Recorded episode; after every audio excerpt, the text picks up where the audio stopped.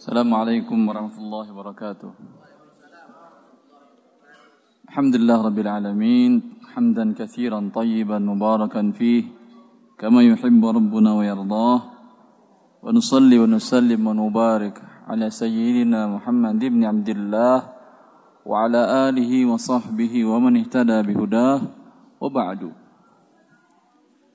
إخواني وأخواتي في الله khususnya para pedagang di Blok F.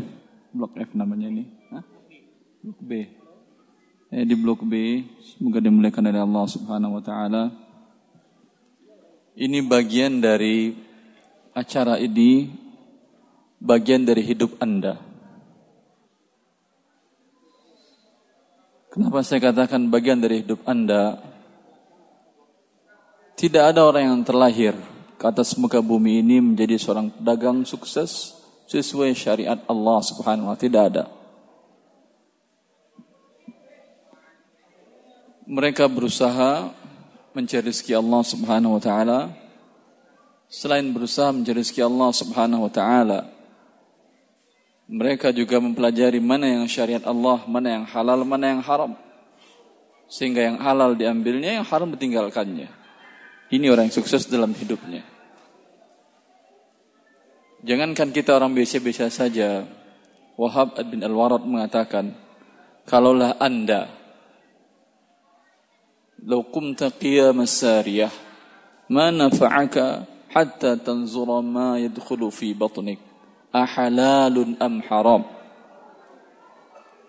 kata beliau kalaulah anda berdiri qiyamul lail salat malam tidak pernah bergerak dari rakaat Anda berdiri tidak pernah bergerak. Bagaikan tiang tidak bergerak tidak ada gunanya kalau Anda tidak melihat apa yang masuk ke dalam perut Anda apakah yang halal atau yang haram. Dan ini sepakat para ulama seluruhnya. Bahkan Al-Imam An-Nawawi menukil ijma' kemudian diikuti kemudian oleh Imam Al-Ghazali dalam Ihya-nya menukilkan ijma' para ulama seluruhnya. Bahwa orang yang semua hartanya adalah haram tidak tahu dia halal atau haram dan dapatkan dengan yang haram tidak ada kewajiban bagi dia. Tidak wajib zakat tidak wajib haji tidak wajib menafkahi istrinya. Tidak ada kewajiban. Oh enak sekali. Iya enak karena seluruh harta yang haram ini tidak halal satu sen pun dia gunakan. Kalau dia ingin berzakat, ingin bersedekah, ingin menyumbang, ingin berinfak, tidak ada gunanya. Karena Allah tayyib. Sedekahnya tidak diterima oleh Allah. Karena Allah tayyib hanya mau menerima sedekah yang dari yang halal, bukan dari yang haram. Kalau digunakan untuk naik haji, direkan oleh Imam Ahmad dalam musnadnya dan saya oleh Syekh Abdul Zimbas rahimahullah bahwa bila seorang melakukan ibadah haji atau umrah dengan hartanya yang haram baru saja dia naik kendaraannya dan mengucapkan labbaik Allahumma labbaik. Ya Allah aku sambut panggilanmu. Dijawab cash kantan oleh malaikat la labbaik wala sa'daik. Tidak. Engkau tidak datang untuk menyebut panggilanku wala sa'daik dan tidak ada kebahagiaan untukmu. Fa inna malaka haram wa zadaka haram. Hartamu dasar dari yang haram dan perbekalmu dari yang haram. Wa hajjuka ma'zurun ghairu makbul. Hajimu tidak diterima. Bila dinafkahkan untuk diri sendiri, Rasulullah mengatakan, "Ma nabata lahmun min suhtin illa kanat naru aula Tidak satu sel pun daging manusia yang diberi makanan dari yang haram melainkan menjadi api neraka. Lalu untuk apa gunanya harta yang haram tadi? Tidak ada gunanya melainkan diberikan kepada fakir miskin. Dan harta haram ini banyak di sekeliling manusia. Ketika manusia tidak muslim, tidak memperhatikan cara mencari hartanya, tanpa disadari mungkin ada harta haram dari hartanya dia. Tetapi dengan Anda mempelajari syariat Allah Subhanahu wa taala dan ini bagian dari hal tersebut, atau bertanya kepada yang tahu tentang jual beli Anda ini halal atau haram Ustaz. Tanyakan. Dengan demikian tahu Anda mana yang halal mana yang haram ketika halal ambil ketika haram tinggalkan. Walaupun besar keuntungan materi di mata Anda. Salah seorang pedagang di masa Rasulullah bernama Hakim bin Hizam. Hakim bin Hizam sebelumnya dia non muslim. Kemudian masuk Islam dan dia dikenal sebagai salah seorang yang dermawan, seorang terhormat. Dia seorang pedagang dan bertanya langsung kepada Rasulullah SAW tentang bisnis perdagangannya. Ya Rasulullah, ini abi wa ashtari. Wahai Rasulullah, aku berjual beli. Membeli lalu menjual. Pertanyaanku ya Rasulullah, Tolong jelaskan fama yahillu li wa ma yahrumu alayya. Tolong ya Rasulullah, apa yang halal dalam jual beliku, apa yang haram dalam jual beliku? Pertanyaan singkat, namun jawabannya bisa dua buku lebih dari ini. Apa yang halal bagiku, apa yang haram bagiku dalam bisnisku ini? Tapi Rasulullah menjawab dengan jawaban yang singkat juga yang mungkin yang yakin bahwa ini sangat dibutuhkan oleh Hakim bin Hizam ini. Kata Rasulullah, "Ya bena akhi, la tabi' ma laysa 'indak." Wahai anak saudaraku, jangan engkau jual barang ah, yang belum engkau miliki. Ini kaidah umumnya. Dia bertanya, ya Rasulullah jelaskan mana yang halal, mana yang haram. Kata dia, jangan kau jual barang yang belum engkau miliki. Ini keadaan yang sangat besar sekali. Jangan engkau jual barang yang belum engkau miliki. Bagaimana barang dimiliki? Seorang pedagang dia akan beli, akan menjual. Akan beli, akan menjual. Jarang yang barang sendiri kemudian dijual, jarang. Umumnya barang dari dibeli, dia dijual. Yang boleh dia jual kembali setelah dia miliki. Kapan barang tersebut menjadi milik dia dengan dua bentuk, dengan dua cara.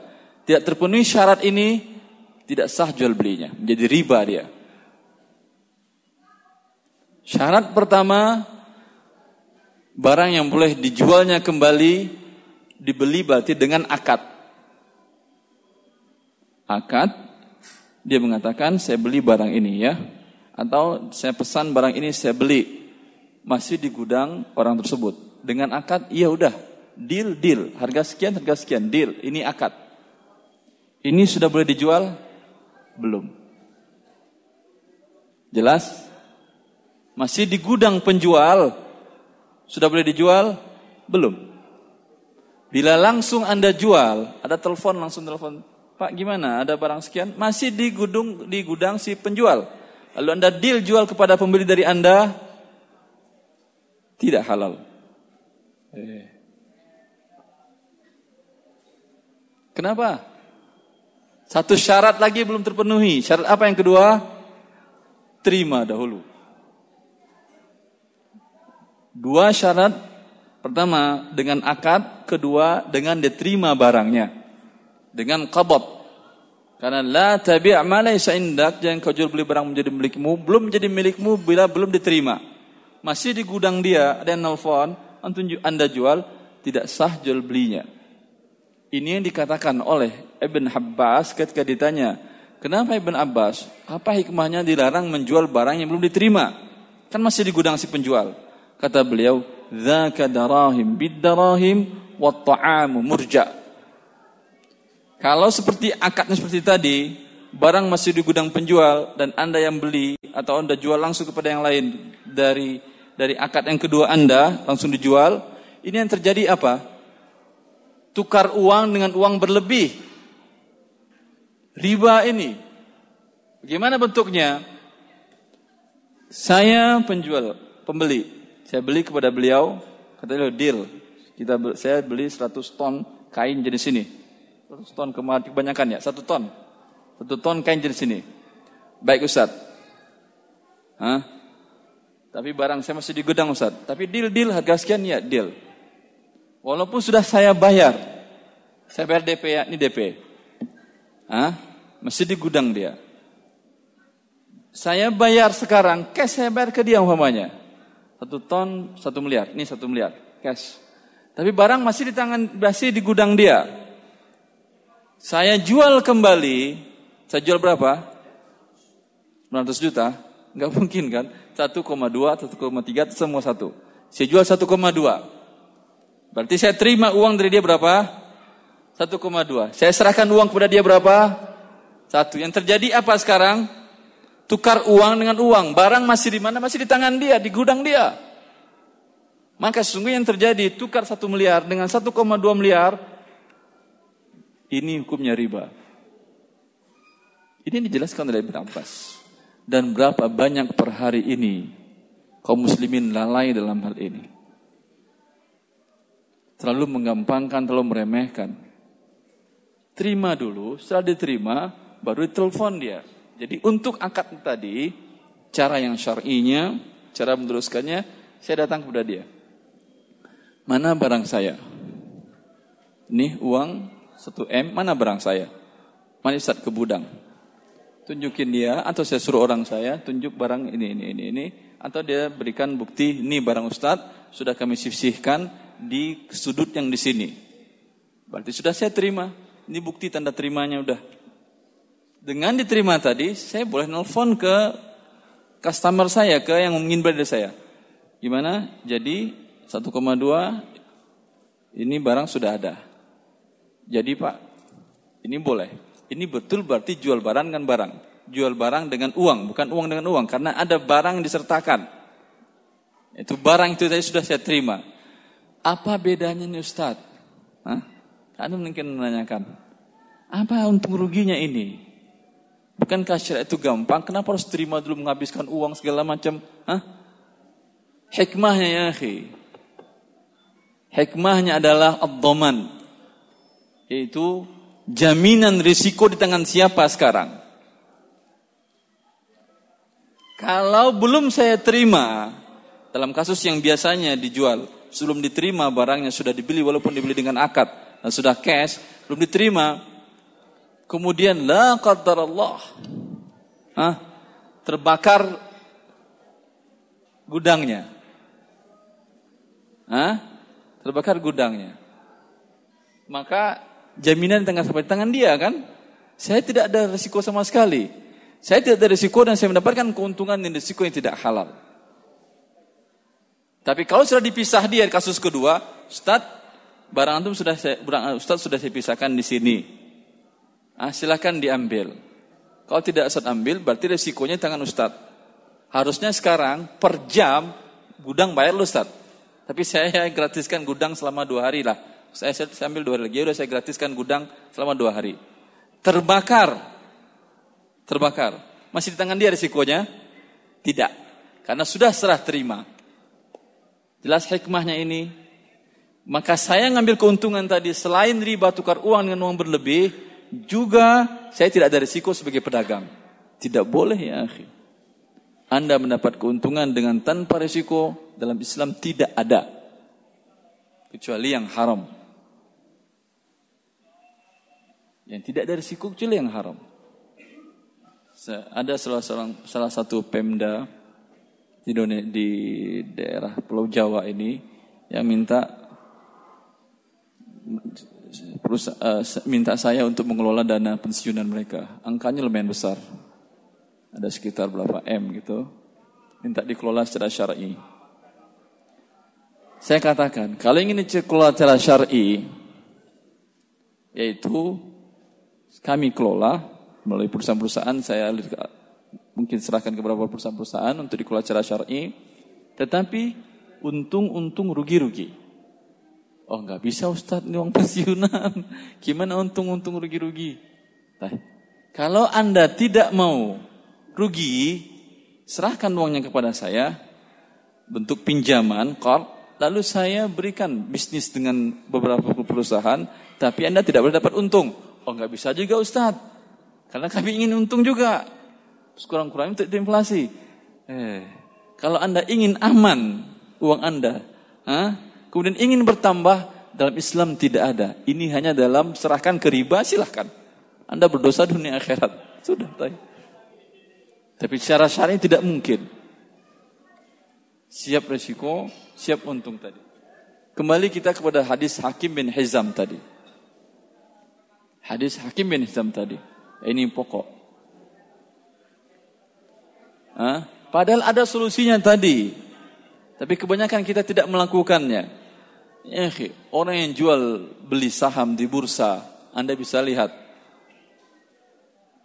Setelah dibelinya pagi ini, itu serah terimanya kan setelnya selama tiga hari. Serah terimanya tiga hari baru dua hari kerja menjadi milik si pembeli.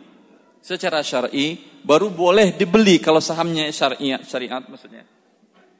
Kalau sahamnya perusahaannya yang bukan haram, baru boleh dibeli, baru boleh dijual dia setelah dua hari kerja. Tambah hari pembelian tiga hari. Tapi apa yang terjadi di sana? Siang naik harganya langsung dijual. Ini belum diterima. Ini sepakat, keluar kesepakatan dari lembaga fikih Islam internasional. Bursa jual beli dengan cara seperti ini di bursa adalah hukumnya haram, judi namanya. Sehingga ini yang menghancurkan ekonomi dunia dan Amerika sendiri menamakan, para ekonom mereka menamakan bursa mereka dengan kasino. Tempat perjudian. Judi ini jadinya. Riba dan perjudian. Karena tidak ada serah terima barang. Alhamdulillah di sini Anda ada serah terima barang. Insya Allah selamat dari perjudian yang itu. Hah? Tapi ingat ini tadi. Bisa menjadi riba dengan cara seperti demikian. Maka saudara-saudaraku para pedagang. Ketika Ali bin Abi Thalib masuk ke dalam pasar. Beliau mengatakan kepada orang-orang di pasar. Ayuh tujar. Ayuh tujar. Innakum fujar. Ini merah telinga dengarnya. Kalau saya terjemahkan ke bahasa Indonesia. Ketika jadi khalifah dia masuk ke pasar Madinah, ke pasar di bukan di Madinah beliau. Di Irak atau di mana beliau? Lupa saya tempat. Beliau mengatakan, "Ayo tujar, kullukum fujar." Wahai para pedagang, kalian ada orang-orang yang berdosa, kata dia. Hah? Kita pedagang kok dosa? Kan cari yang halal. Kenapa? Karena dilihatnya di waktu dia banyak para pedagang yang tidak benar. Lalu dia katakan illa man sadaqa wa bayyana kata beliau.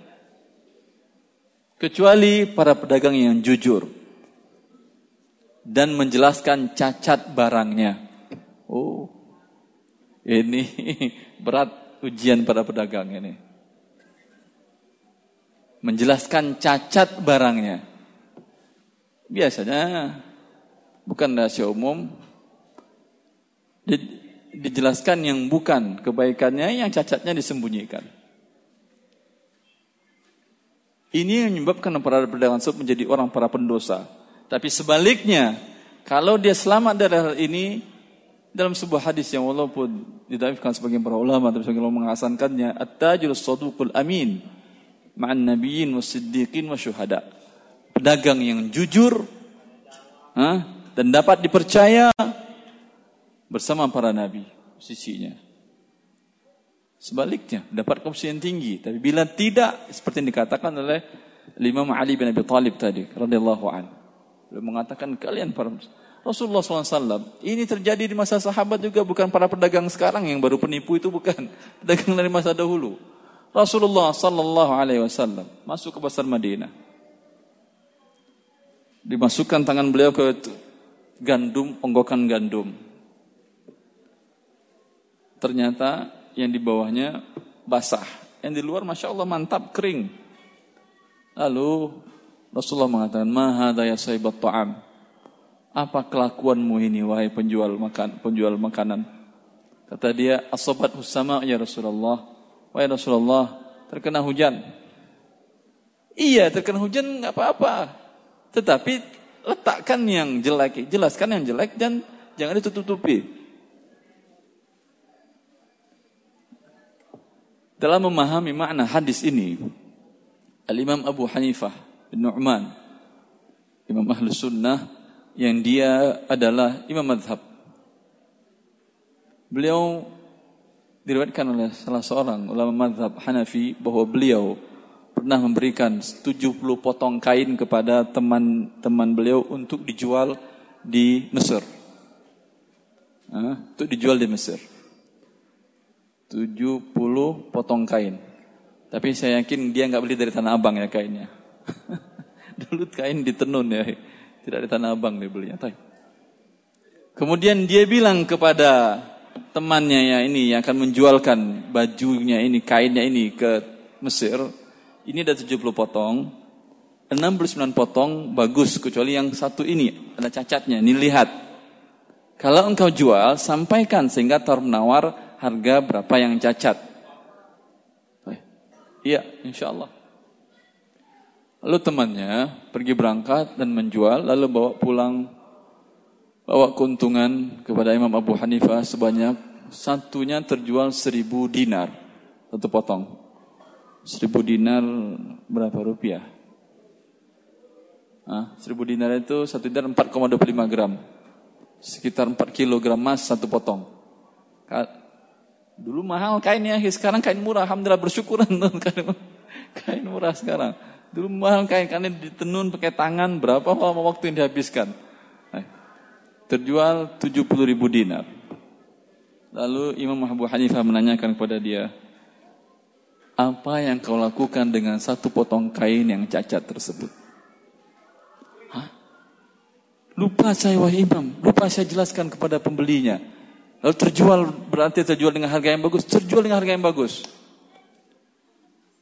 Ini uang, tolong kau sedekahkan pada fakir miskin. Saya nggak butuh uang ini. Allah Akbar. Eh, ada pedagang tanah abang seperti ini. ya. Padahal sebetulnya ini kewaraan Imam Abu Hanifah. Padahal sebetulnya cukup dia potong satu harga kain yang kain baju yaitu seribu. Yang tujuh puluh ribunya masih yang enam puluh sembilan ribu masih halal kepada dia. Yang seribu ini yang sedekahkan silahkan. Kainnya cuma satu. Tetapi bagi beliau karena sudah bercampur dengan dinar yang lain, mana misahinnya, mana uang dari yang dari yang kain yang yang ada ghishnya yang rusaknya mana nggak bisa. Udah. Padahal secara syar'i, syar'an, fikhan boleh cukup demikian, tapi kewaraannya kepada Allah menuntut beliau untuk demikian. Sampai saudari wanita dari Bishir Al-Hafi, salah seorang ulama kaum muslimin di masanya. Dia kerjanya menenun kain, buat tenun kain, ditenun kain, tukang jual kain juga dia. Dibuat dari benang, disusun dan ditenun. Tapi dia memegang hadis Rasulullah SAW tadi, man ghashana falisa minna. Siapa yang menipu tidak masuk dari golongan kami kaum muslimin. Pegangnya sekali pegangnya erat-erat. Sehingga setelah tenunan ini jadi selalu dijelaskan kepada pembeli kainnya, ini kain yang aku tenun ini, ha, sebagian dari has, menenun di malam hari dari lampu penjaga yang lewat, polisi yang lewat. Dia kan malam hari dulu nggak ada listrik penerangan, pakai lampu. Hah? Lampu dia tidak terlalu terang, Terkadang lewat rombongan pihak keamanan pakai lampu. Lampunya terang. Ah, terkadang dia menjahit dengan pakai lampu itu, lampunya dimatiin. Itu dia jelaskan. Sampai segitu waranya. Sampai Imam Ahmad dia bertanya langsung kepada Imam Ahmad, Imam Ahmad bagaimana hukum jual beliku? Ya aku menenun kain terkadang menggunakan lampu penerangan pasukan keamanan kerajaan yang lewat. Kata Imam Ahmad, dari siapakah anda? Dia mengatakan saya saudari dari Bishr al-Hafi. Kata beliau, min baitikum yakhrujul wara. Dari rumah kalianlah keluar rasa takut kepada Allah Jalla fi'ula. Takut dia ya akhi. Padahal kita anggap biasa saja. Berapa banyak orang yang mana terkena yang menggunakan fasilitas umum nggak bayar, anggap ini adalah bagian dari wah, milik dia sebagai warga negara, tapi ini dia bertanya kepada Imam Ahmad dan menjelaskan kepada penjualnya tentang ini. Begini muslim hidup. Bertanya dan belajar kan syariat Allah Subhanahu wa taala dalam setiap perniagaannya. Dan bahkan selain mereka bertanya dan belajar, juga negara agar kaum muslimin mendapatkan harta yang halal, maka di pasar-pasar tersebut ditempatkan para ulama. Tempat rujukan bertanya. Dan terkadang ulama ini pun mengecek seperti Rasulullah SAW tadi, mana yang benar, mana yang tidak. Bahkan Imam Malik, jelaskan dalam kitab Al-Muwatta beliau, bahwa beliau masuk ke pasar disuruh oleh oleh raja, oleh khalifah, masuk ke pasar. Tes itu pada pedagang. Ah, tes mana bagaimana riba, bagaimana agak tidak riba. Kalau tidak bisa jawab dia tarik dia dari pasar, nggak boleh jualan. Eh, ada yang siap mau diuji? Tarik, suruh belajar dulu. Setelah dia belajar baru boleh masuk lagi ke pasar. Dan subhanallah, tradisi ini bukan di Madinah saja. Ibnu Amir al-Hajj dalam buku beliau, dia ulama Maliki dan pada abad ke-8 Hijriah beliau wafat, ya. Beliau di Maroko, bukan di Madinah, di Maroko yang jauh. Di Maroko dekat dari Eropa, sudah dekat Spanyol. Jauh. Dia mengatakan pada waktu itu masih ada para ulama yang masuk ke pasar, kemudian menguji para para pedagang, bagi yang tidak lulus dikatakan kepada dia dari engkaulah rusaknya ekonomi umat, engkaulah pelaku riba. Belajar dengan baik. Belajar ya akhi. Sehingga Imam Syafi'i pernah mengatakan di oleh Imam Al-Qarafi dalam kitabnya Al-Furuq. Saya bacakan nasnya. Kata beliau, "Annal mukallafa la yajuzu lahu an yuqdima ala fi'lin hatta ya'lama hukm Allah fihi." Seorang mukallaf seorang muslim yang sudah memiliki hukum wajib menanggung sendiri tanggung jawab perbuatannya kepada Allah. Itu tidak boleh melakukan setiap perbuatan pun sampai dia mengetahui hukum Allah dalam perbuatannya ini. Faman faman ba' wajib alaihi an yata'allama ma 'ayyanahu Allah wa syara'ahu fil bai'i. Siapa yang menjual? Eh, taib. Ini Anda sepertinya para pedagang. Kata Imam Syafi'i, siapa yang menjual, berjualan, maka wajib dia mempelajari apa yang ditentukan oleh Allah dan disyariatkan oleh Allah dalam jual beli. Wajib. Waman ajar, siapa yang menyewakan jasa, baik jasa dia para karyawan ini. Yang menyewakan jasanya. Atau menyewakan rumah atau mengontrakkan gedung. Jasa dari gedung dan barang. Kata Imam Syafi'i wajib alaihi ay ya'lama hukm Allah fil ijarah wajib bagi dia mengetahui syariat Allah dalam hukum sewa menyewa ini tadi pagi saya bahas di televisi radio tentang kemujarah banyak kaum muslimin tidak mengerti tentang ijarah mana syar'i dan mana tidak syar'i dia sewa umpamanya sebuah gedung, ya sama dengan tadi, terima dan tidak terima tadi. Saya sewa satu gedung ini umpamanya. Ini boleh saya sewakan kembali ke pedagang-pedagang yang lain. Tapi dengan syarat saya terima dahulu. Sama dengan berarti. Dengan saya terima, saya sewakan, saya boleh mendapatkan keuntungannya.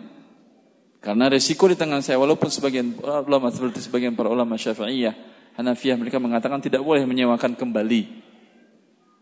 Karena resiko siapa yang menanggung? Mayoritas para ulama mengatakan boleh dengan catatan resiko adalah penyewa ini yang menanggung. Saya sewa seluruhnya, kemudian saya sewakan kembali, ini boleh. Pelajari syariat Allah Subhanahu wa taala dalam sewa menyewa. Apakah uangnya di awal atau di belakang? tidak jadi masalah oleh sebagian para ulama. Ya, yang penting pelajari syariat Allah dalam hukum sewa menyewa ini. Baik. Man qarada wajib alaihi an yata'allama hukm Fil qiradi. Siapa yang melakukan akad mudharabah investasi. Saya menyerahkan modal kepada beliau. Saya katakan pada saya ada uang simpanan angkanya 100 juta. Tapi saya nggak ngerti pasar Tanah Abang. Silahkan kamu, ah, Abdul Basit, silahkan Anda putar uang saya di pasar Tanah Abang. Bagaimana cara terserah Anda, penting halal. Jual beli barang, jual beli barang, ha? 100 juta cukup? Kurang kali ya? Kurang berapa? 5M? 5M, 5M.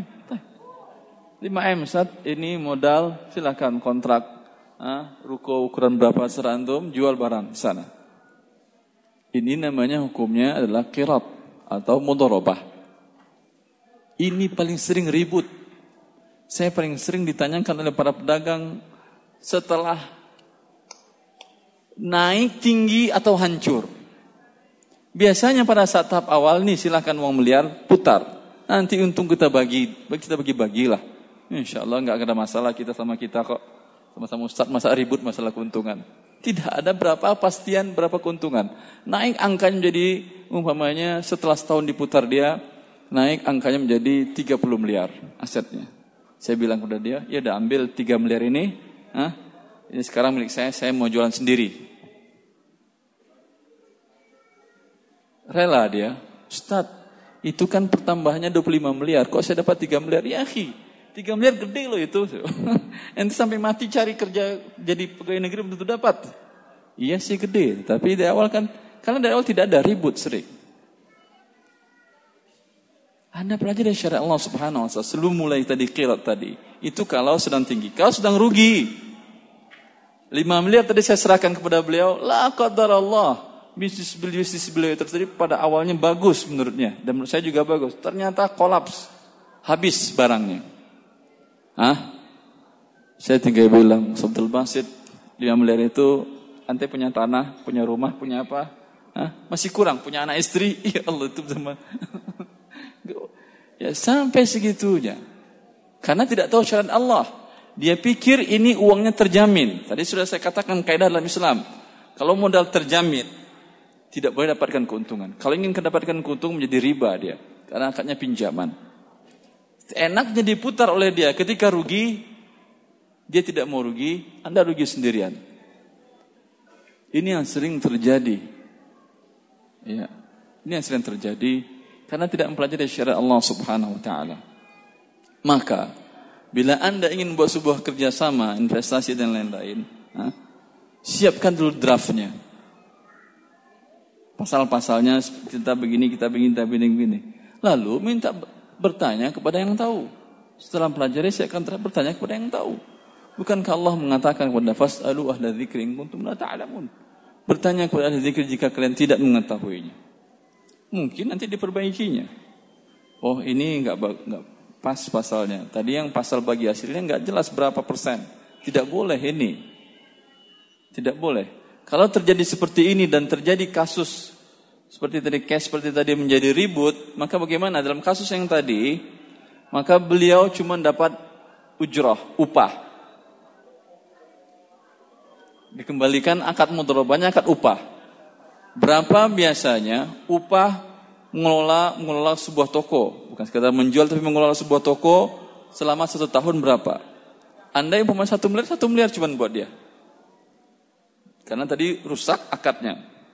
Satu miliar ini kalau dibandingkan dengan dengan tadi angka 25 juta, 25 miliar gede besar sekali, kecil sekali. Tetapi kalau umpamanya keuntungan dari di 5 miliar tadi cuman untung 1 miliar, dia ambil semuanya 1 miliar itu. Artinya dari 5 miliar setelah satu tahun menjadi 6 miliar. Hah? Kan tadi saya ribut, udah kita pisah. Tadi tidak jelas berapa bagi hasilnya kan. Berarti maka dia hukumnya adalah hukum sebagai seorang karyawan saya untuk mengelolanya. Kelola tadi saya katakan sampai satu miliar. Berarti untuk diambil satu miliar saya tidak dapat apa-apa, upah. Berbeda dengan motorobah yang betul, yang dari awal tahu ada beberapa berapa bagi hasilnya. Ketika ada bagi hasil, maka kerugian 100% ditanggung oleh si pemilik modal yang pemilik saya. Dengan syarat tidak ada kelalaian dari si pengelola. Andai dari tadi 5 miliar, habis, ya udah habis. Alhamdulillah nggak ada masalah. Selesai, selesai. Dia wajib ganti tidak. Tapi kalau dia merasa kasihan Ustaz, lalu tanahnya dikasih kantung, dia sedekah kepada saya, alhamdulillah saya terima sedekahnya. Tidak ada masalah. Tapi dia wajib mengganti, kalau tidak. Maka Al-Imam Syafi'i melanjutkan, "Faman ta'allama wa alima bimaqtada bimuqtada ma alimahu atau Allah ta'ata ini. Maka siapa orang yang pertama, golongan pertama, yaitu mempelajari syariat Allah, kemudian berbisnis sesuai dengan syariat Allah. Belajar dengan bertanya dan membaca, dengan mendengarkan, dia pelajari syariat Allah dalam bisnis tadi. Kemudian dia amalkan sesuai dengan syariat Allah. Ya akhi, ini pedagang yang sukses karena dapat dua keuntungan. Faqad ata Allah ini. Orang ini mentaati Allah dua kali taat. Taat yang pertama apa? Belajar. Dia belajar, tidak dia berbisnis, dia dapat pahala satu, pahala belajar. Taat yang kedua, berbisnis sesuai syariat Allah. Sehingga keuntungan bagi dia halal. Dua keuntungan. Tetapi, وَمَنْ لَمْ يَعْلَمْ وَلَمْ يَعْمَلْ faqad asallaha ini. Sebaliknya. Orang yang tidak mau mempelajarinya, acuh tak acuh dengan syariat Allah dan berbisnis tadi. Sehingga dia dan berbisnis tidak sesuai dengan syariat Allah. Maksiatnya dua kali. Maksiatnya dua kali ya. Dua pekan yang lalu kalau pekan yang dua pekan dua pekan yang dua pekan yang lalu saya di Kuala Lumpur Lalu panitia bedah buku harta haram. Lalu panitia mengatakan, Ustaz, maaf Ustaz, ini yang hadir sedikit. Karena banyak para para teman-teman yang sudah ikut kajian, sudah ngerti sunnah. Ah, saya hubungi kata dia, kalau pelajaran bedah buku muamalat saya nggak berani datang. Karena kalau saya tahu haram, saya nggak berani boleh melakukannya. Kalau saya nggak datang, saya nggak tahu ya Alhamdulillah. Allah memaafkan dosa-dosa saya. Ya, dia tidak tahu apa yang dikatakan oleh Imam Al-Qarafi ini. Siapa yang tidak belajar? Dengan demikian tidak beramalkan dalam sesuai dengan ilmu yang disyariatkan oleh Allah, bukan dia selamat dari dosa, dua dosanya. Pertama dosa tidak mempelajari, Allah suruh belajar tidak mau belajar. Bangkang atau tidak itu namanya? Eh, bangkang ya. Yang kedua tidak melakukan syariat Allah dan berbisnis dengan cara yang haram. Dua dosa dia. Bukan selamat dari itu. Dan kita lihat golongan yang ketiga dikatakan Imam Qarafi. Wa man 'alima wa lam ya'mal bimuqtada ilmihi faqad ata Allah ta'atan wa asahu maksiatan. Siapa yang belajar belajar tapi ketika dia berbisnis tidak dia terapkan apa yang dipelajarinya. Dia mengetahui riba tahu dia haram. Riba tahu dia haram. Tapi bagaimana lagi? Saya sudah di posisi puncak di perusahaan riba ini. Hah? Kalau saya resign, siapa yang mau ngasih saya makan? Hah? Tahu tapi tidak mengamalkan sementara ilmunya. Orang seperti ini berat emang. Tapi lebih baik daripada orang yang kedua tadi. Ini orangnya bermaksiat sekali kepada Allah dan taat sekali kepada Allah. Impas Hah? Apa namanya? Seri? Tidak ada untung, tidak ada rugi? Rugi ya akhi. Karena ketaatan anda kepada Allah subhanahu wa ta'ala belum tentu taat sempurna. Tapi sudah maksiat sudah jelas. Maka orang yang seperti ini tinggal minta kepada Allah subhanahu wa ta'ala agar dimudahkan oleh Allah. Selalu berdoa kepada Allah agar dimudahkan oleh Allah subhanahu wa ta'ala untuk meninggalkan yang haram tadi. Karena berat memang. Ada beberapa waktu setelah saya operasi kepala ada salah seorang kaum muslimin yang, yang SMS ingin ketemu langsung. Datang dia ke rumah, dia pejabat di BI, lalu dia bilang, Ustaz, saya ketika dapat buku antum, saya baca dari awal sampai akhir, tiga hari Alhamdulillah tamat, tiga hari tamat. Padahal buku berat isinya, tapi tiga hari tamat sama dia. Karena dia pakar ekonomi, ya pejabat. Tapi dan alhamdulillah kesimpulannya Ustadz dari buku Anda ini 25 tahun saya bekerja di lembaga tersebut semuanya haram. Iya, bagus alhamdulillah. Terus bagaimana? Berarti sekarang saya resign. Pejabat resign, baik silakan resign. Semoga Allah memudahkan Anda. Tapi Ustaz saya masih ada utang satu miliar ke kantor. Satu miliar. Pejabat tentu dapat fasilitas pinjaman kan. Eh, satu miliar kantor. Tapi saya alhamdulillah Allah tunjukkan saya jalannya. Saya punya rumah, rumah saya kemungkinan harganya lebih dari 2 miliar. Rencana saya saya jual, kemudian saya tutupi utang di kantor saya, saya resign. Kemudian tinggal di mana Anda? Enggak apa-apa saya tinggal di rumah kecil. Dengan sisa hasil tersebut saya akan mulai hidup yang halal. Alhamdulillah. Ini orang yang diberikan taufik oleh Allah Subhanahu wa taala. Tahu kemudian beramal dengan muktadha amalnya sehingga dia mendapatkan dua ketaatan dari Allah Subhanahu wa taala.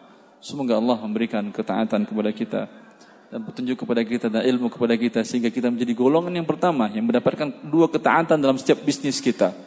Taat kepada syariat Allah dan taat mengamalkan bisnis sesuai dengan syariat Allah Jalla fi'ula. Baik, fadhal.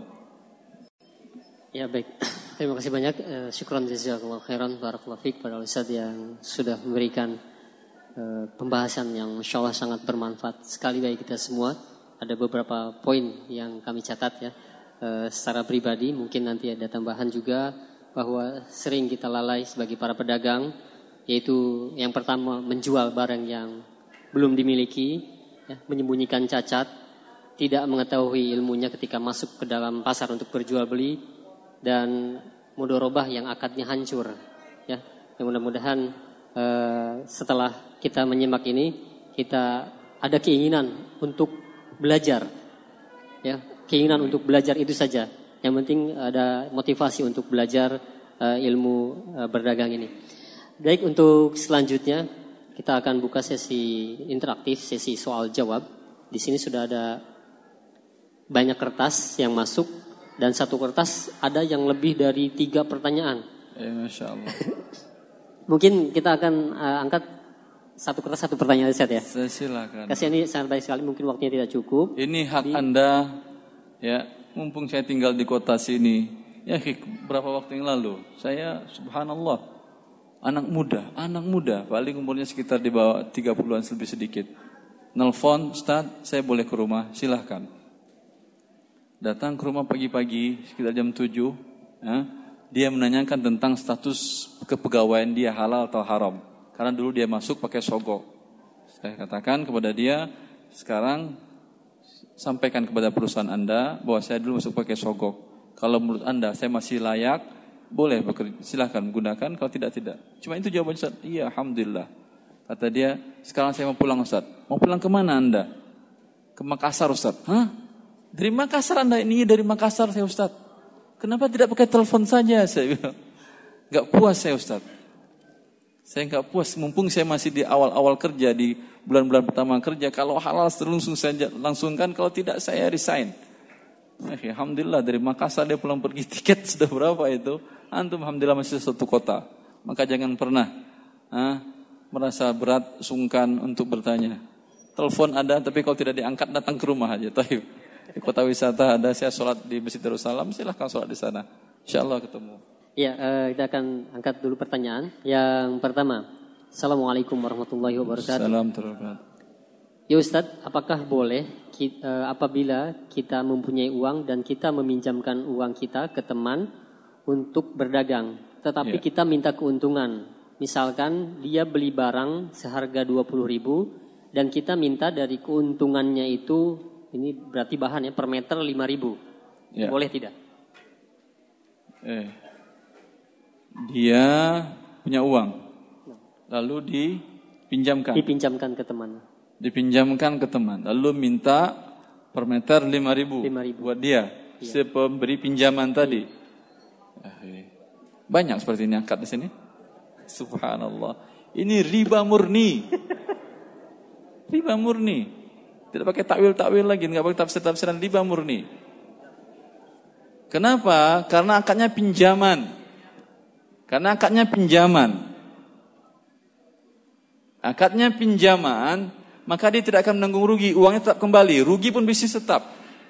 Terkadang rumah si rugi masih minta dia 5 ribu per meter itu. Dihitungnya kamu udah berapa meter? Oh rugi habis susah saya, saya ditipu. Enggak tahu saya, yang penting per meter saya hitung. Ya ini subhanallah, riba murni ini. Solusi syar'inya, kalau anda ingin, ha, tolong tunjukkan kainnya mana. Mana tokonya, mana pabriknya, biar saya beli. Karena ingin untung juga kan ya. Biar saya beli. Eh, itu di, sana. Yaudah, saya beli sekian. Berapa meter Anda suka? Anda mau sekian ratus meter, sekian bal, sekarang type.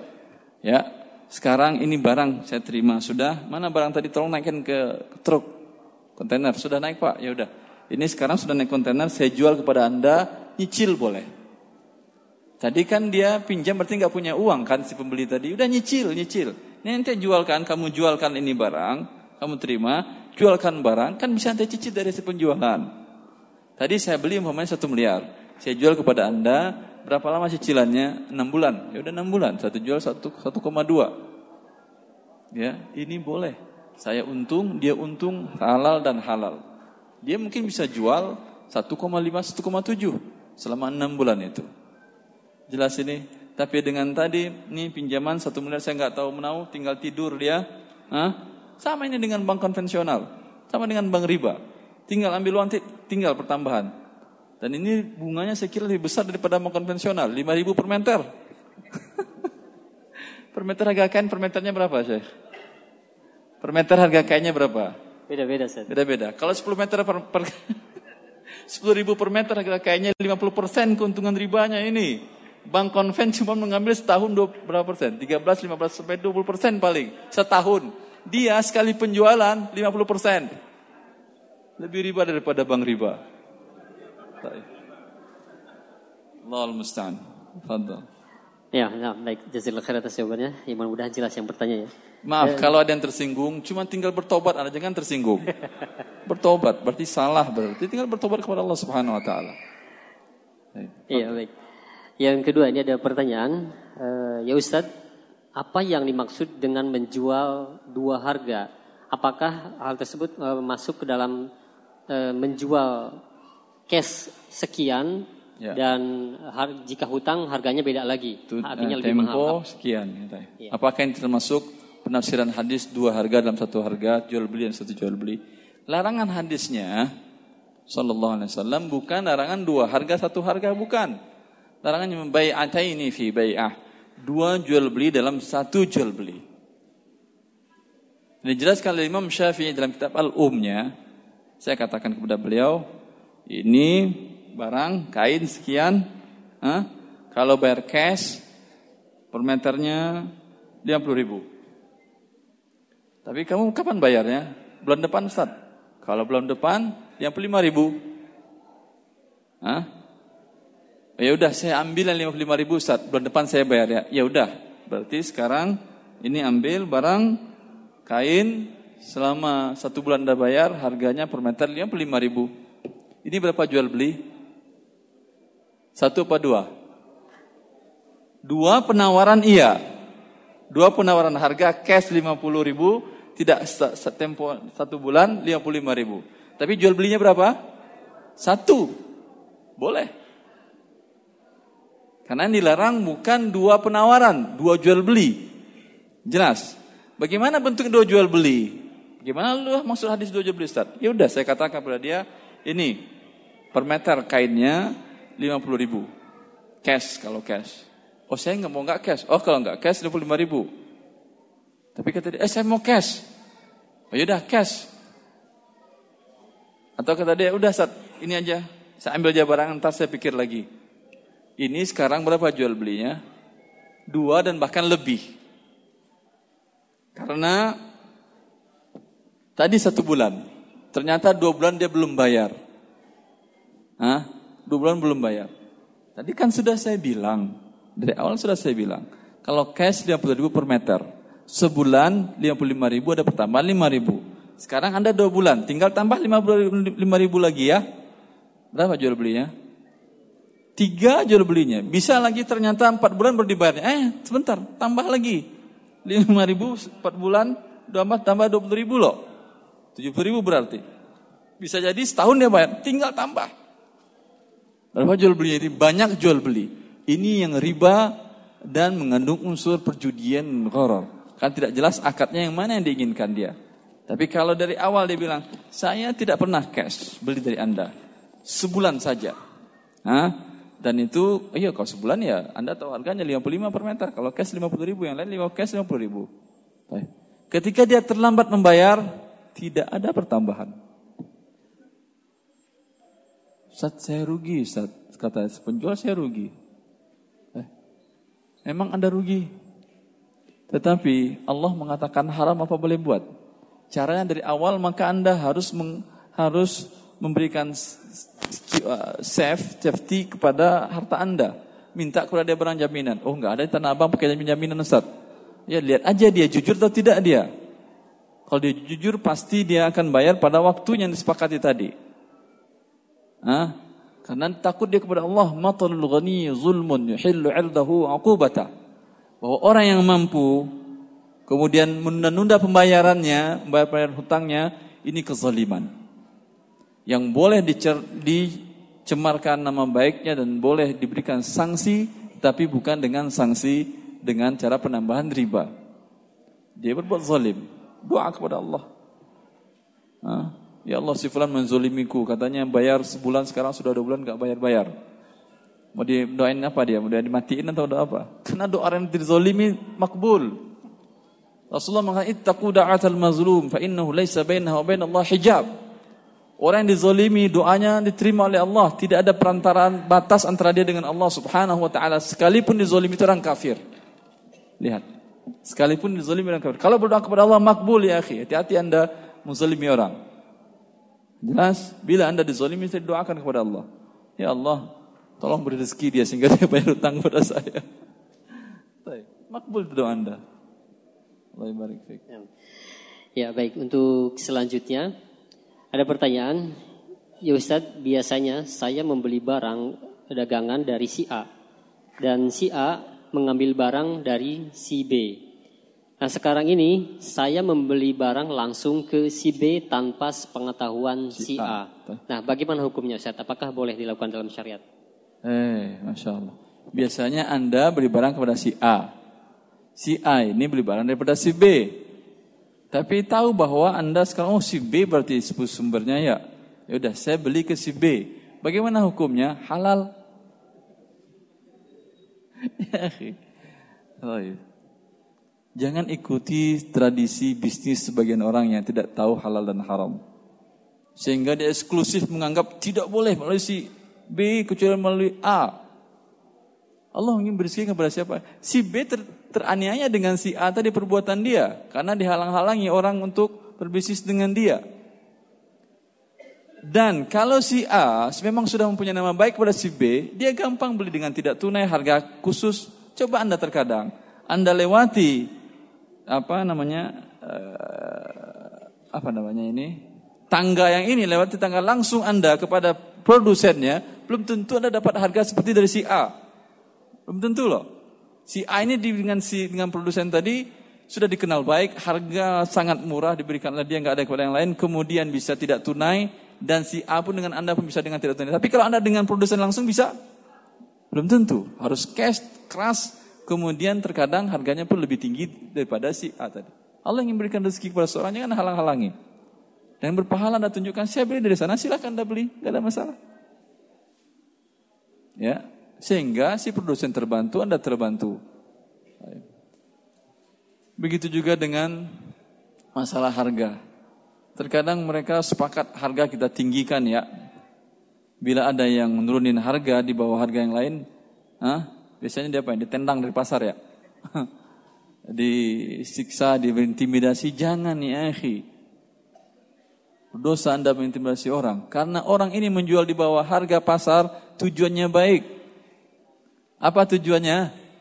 Agar teman-temannya jatuh? Tidak. Tujuannya agar si pembeli dapat harga murah. Baik atau tidak tujuannya?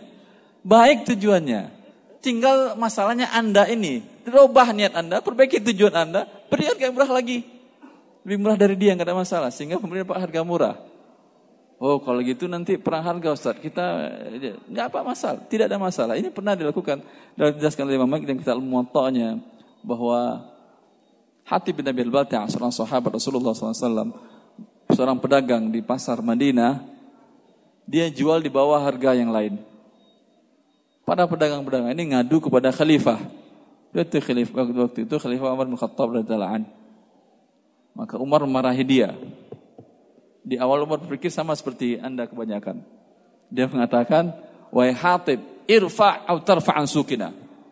Hatib, naikin hargamu seperti yang lain. Hah, kalau tidak kamu angkat kaki dari sini, kamu yang naik dari sini. Hatib bin Abil Balta'ah enggak demo deh, enggak demo, enggak demo tadi. Dia suruh pulang sama khalifah, pulang dia. Harusnya ini kan punya masa kan, karena masa dia orang pasti akan simpati dengan hatib tadi karena harganya murah. Orang-orang pasti akan beli kajak demo gampang demo. Dia tidak pulang-pulang, pulang-pulang. Tapi kalaupun dia pulang, orang beli ke rumahnya atau tidak? orang tinggal datang ke rumah dia. Tetap tidak akan berdampak. Lalu Umar mendatangi dia, wahai hatib. Hada kun kana ra'in irta'aituhu. Itu dulu pendapatku agar kamu menjual sama dengan yang lain sehingga bersaing. Tetapi sekarang saya berubah pendapat. Silahkan engkau ke pasar, silahkan juga engkau turunkan harga. Ini yang kaidah dikatakan oleh para ulama bahwasanya dalam keadaan mafsadah, dalam salah kemudarat, yutahammal darar khas ha, li ajli darar am. Bila ada dua mudarat, kalau harga tinggi yang diuntungkan siapa? Pedagang. Yang dirugikan siapa? Pembeli lebih banyak lebih banyak mana jumlah pedagang daripada pembeli? Pembeli lebih banyak, berarti mudarat umum. Sehingga inflasi terjadi karena itu juga di antaranya. Kemudian, andai mudarat umum ini ditolak, maka akan mendapat mudarat para pedagang. Kalau ada yang menjual di bawah harga pasar, para pedagang mendapat mudarat. Tetapi yang dapat keuntungan siapa? Orang banyak para pembeli. Maka tidak masalah para pedagang tadi tetap mendapat mudarat sebetulnya bukan modal masih untung dia tapi masih lebih kecil daripada biasanya. Ya. Sehingga perputaran barang lebih cepat. Dan ini pernah dikatakan oleh Imam Ali Imam Imam Ali bin Abi Thalib radhiyallahu taala beliau masuk ke pasar, ke pasar kemudian mengatakan ayo tujar kata beliau wahai para pedagang kata beliau la taruddu qalilar ribhi fatuhrumu kathiruha wahai para pedagang Jangan kalian tolak keuntungan yang tipis. Karena bila kalian tolak khawatir Allah tidak memberikan kepada kalian keuntungan yang besar. Bila menurut anda sedikit sudah untung, lepas. Jangan tunggu, jangan tunggu, jangan tunggu. Kan bertambah biaya gudang, bertambah biaya ini, segala macam. Biaya karyawan bertambah lagi, lepas tidak ada masalah. Di sini ada keberkahan. Di sini ada keberkahan. Bukan saya melarang anda mengambil untung yang tinggi, tidak. Boleh mengambil untung yang tinggi. Karena kaidah dalam mengambil untung dari modal, kaidah dalam syariat Islam mengambil untung dari modal, boleh 100% pun boleh dari modal. Modal umpamanya 10 ribu per meter, Anda jual 20 ribu per meter, boleh. Dengan syarat harga jual Anda 20 ribu tadi, itu harga pasar di tempat Anda berjualan. Kalau tidak harga pasar, tidak boleh lebih dari sepertiga dari harga pasar. Harga pasar 20 ribu per meter. Anda jual umpamanya 30 ribu kan lebih sepertiga ini. Dari harga pasar modal tadi adalah 10 ribu. Anggap modal Anda lebih dari 10 ribu, 15 ribu. Tetap tidak boleh. Kecuali Anda sampaikan kepada calon pembeli. Bilang kepada dia, kalau di saya, Masya Allah. Ha? Kalau saya 25 ribu per meter. Di samping saya, Alhamdulillah 20 ribu per meter. Kalau Anda rela, silahkan jual beli. Ini boleh. Kalau dia jelaskan, bahwa dia lebih tinggi dari harga yang lain lebih dari sepertiga. Kalau tidak dia diam-diam saja haram bagi dia. Baik. Boleh menaikkan harga dari dari harga modal Anda, dari harga pasar boleh sedikit, turunkan juga lebih boleh lagi. Diturunkan tidak ada masalah menurut mayoritas para ulama kita. Baik. Ini juga ada pertanyaan Ustaz yang berhubungan, apakah ada batas minimal Ini ketika kita mengambil keuntungan Ustaz? Bukan apa itu ya? Bukan buku. Eh, masya Allah. Iya, tadi ada yang bertanya juga, apakah ada batas minimal dalam mengambil keuntungan? Batas minimal dalam mengambil keuntungan seperti saya jelaskan tadi. Dari modal tidak ada. Dari modal tidak ada. Urwah al-Bariqi disuruh Rasulullah SAW untuk membeli seekor kambing. Dirikan oleh Bukhari ini. Diberi Rasulullah SAW satu dinar. Ini uang satu dinar beli kambing. Satu dinar itu 4,25 gram emas. Berapa juta sekarang? Sekitar 2 juta setengah kali ya. 2 juta setengah dapat kambing sekarang? Dapat. Lihat ya akhi, mata uang Rasulullah dari masa 14 abad yang lalu per hari ini tidak ada perubahan nilai tukarnya. rupiah Anda sekilo yang lalu, sekilo dalam 30 tahun yang lalu, sekarang berapa nilainya lagi? Paling soon nggak sampai nilainya, beratnya segitu tapi tidak sampai. Tapi yang emas, Masya Allah. Diberikan oleh Rasulullah SAW satu dinar tolong beli satu ekor kambing. Alhamdulillah beliau beli agak ke pinggir kota Madinah sedikit.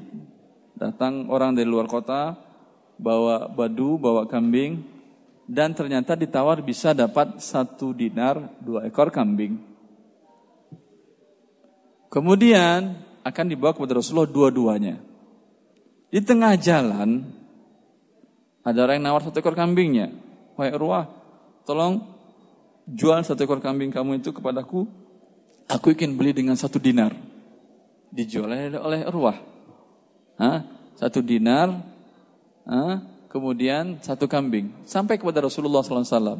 Kira-kira kalau itu adalah anda, apa yang anda katakan? Hah? Ini kambingmu ya Rasulullah, ini uang milikku. ini kepintaranku berbisnis. Eh, Urwah tidak. Dan kan kita jelaskan mana secara syar'inya, mana yang betul. Urwah tidak. Ya Rasulullah, ini kambing dan ini uang. Lalu diceritakan apa yang terjadi. Lalu Rasulullah SAW mendoakan Urwah. Sampai apa pun dijual oleh Urwah akan membawa keuntungan yang besar. Sampai di ulama menjelaskan sampai pun tanah yang digenggam dijual tetap untung dia. Urwah jual beli Urwah tadi namakan jual beli fuduli, ba'il fuduli. Karena dia membeli tanpa izin. Izin tadi berapa cuman? Satu dinar satu kambing. Sekarang satu dinar beli dua kambing. Kemudian dijual tanpa izin lagi. Karena Rasulullah tidak menyuruh dia menjual kambing. Tidak. Rasulullah belikan kambing bakal kambing. Tapi menurut dia, menurut hemat dia, ini menguntungkan dan dijual lagi kambing yang tadi. Ya. Tasarruf fuduli ini, bila Anda diberikan kepercayaan oleh uh, pemilik toko, pemilik bahan, tolong jaga toko ini. Ya. Jual per meter sekian. Hah? Ternyata Allah harga barang tersebut naik pada pagi hari itu. Anda nggak sempat menghubungi pemilik toko. Lalu Anda jual dengan harga yang standar waktu itu naik harganya 100% Anda jual. Tanpa izin pemilik toko. Tadi pemilik toko mengatakan per meter sekian. Tapi sekarang Anda jual lebih. Ini boleh. Tapi keuntungannya bukan milik Anda. Milik pemilik toko. Jangan katakan ini ini kepintaran saya. Saya tahu harga tinggi pagi saya jual tinggi. Jangan. Hah? Ini namanya tasarruf fuduli. Baik. Dalam hal kasus tadi, Urwah al-Bariki mengambil keuntungan berapa persen dari penjualan tadi? 100 persen. 100 persen. Boleh mengambil 100 persen. Karena memang nilai standar. Yang Rasulullah memberikan satu dinar, jurus satu kambing, berarti standarnya demikian. Tapi dia bisa beli murah karena agak keluar kota sedikit. Jelas. Tapi keuntungan bukan milik dia. Maka ini 100% keuntungannya boleh. Asal memang harga standar seperti itu. Paham saya kira ya? Nah, ya. Baik. Ya baik mudah-mudahan paham ya untuk yang bertanya dan e, kami pilih sengaja ini tidak semua pertanyaan kami pilih yang berhubungan dengan muamalah yang sering e, dilakukan oleh para pedagang ya. E, yang ada pertanyaan, ya Ustaz, saya member atau reseller dari salah satu sebuah e, salah satu distributor besar customer saya menanyakan produk yang saya jual dan ternyata stoknya tidak ada. Ya, saya bilang jika mau pesan saja, lalu saya kabarkan harga barangnya dan dia setuju. Dan dia ingin secara sukarela bayar terlebih dahulu baru barangnya diambil jika sudah ada barangnya di toko saya. Apakah boleh? Tidak boleh. Barang di tangan distributor Anda tidak ada. Sekarang Anda jual apa? Apa yang Anda jual sekarang? Tidak ada barangnya. Ya, belum walaupun ada distributor, dia belum Anda beli juga angkatnya dengan dia. Kalau dia bayar, katakan bahwa belum ada. Gak apa-apa, nanti pada uang kepakai ini uang di tangan saya bukan pembelian, jual beli. Karena tadi jual beli sudah, uang dibayar langsung. Padahal belum barang belum dimiliki.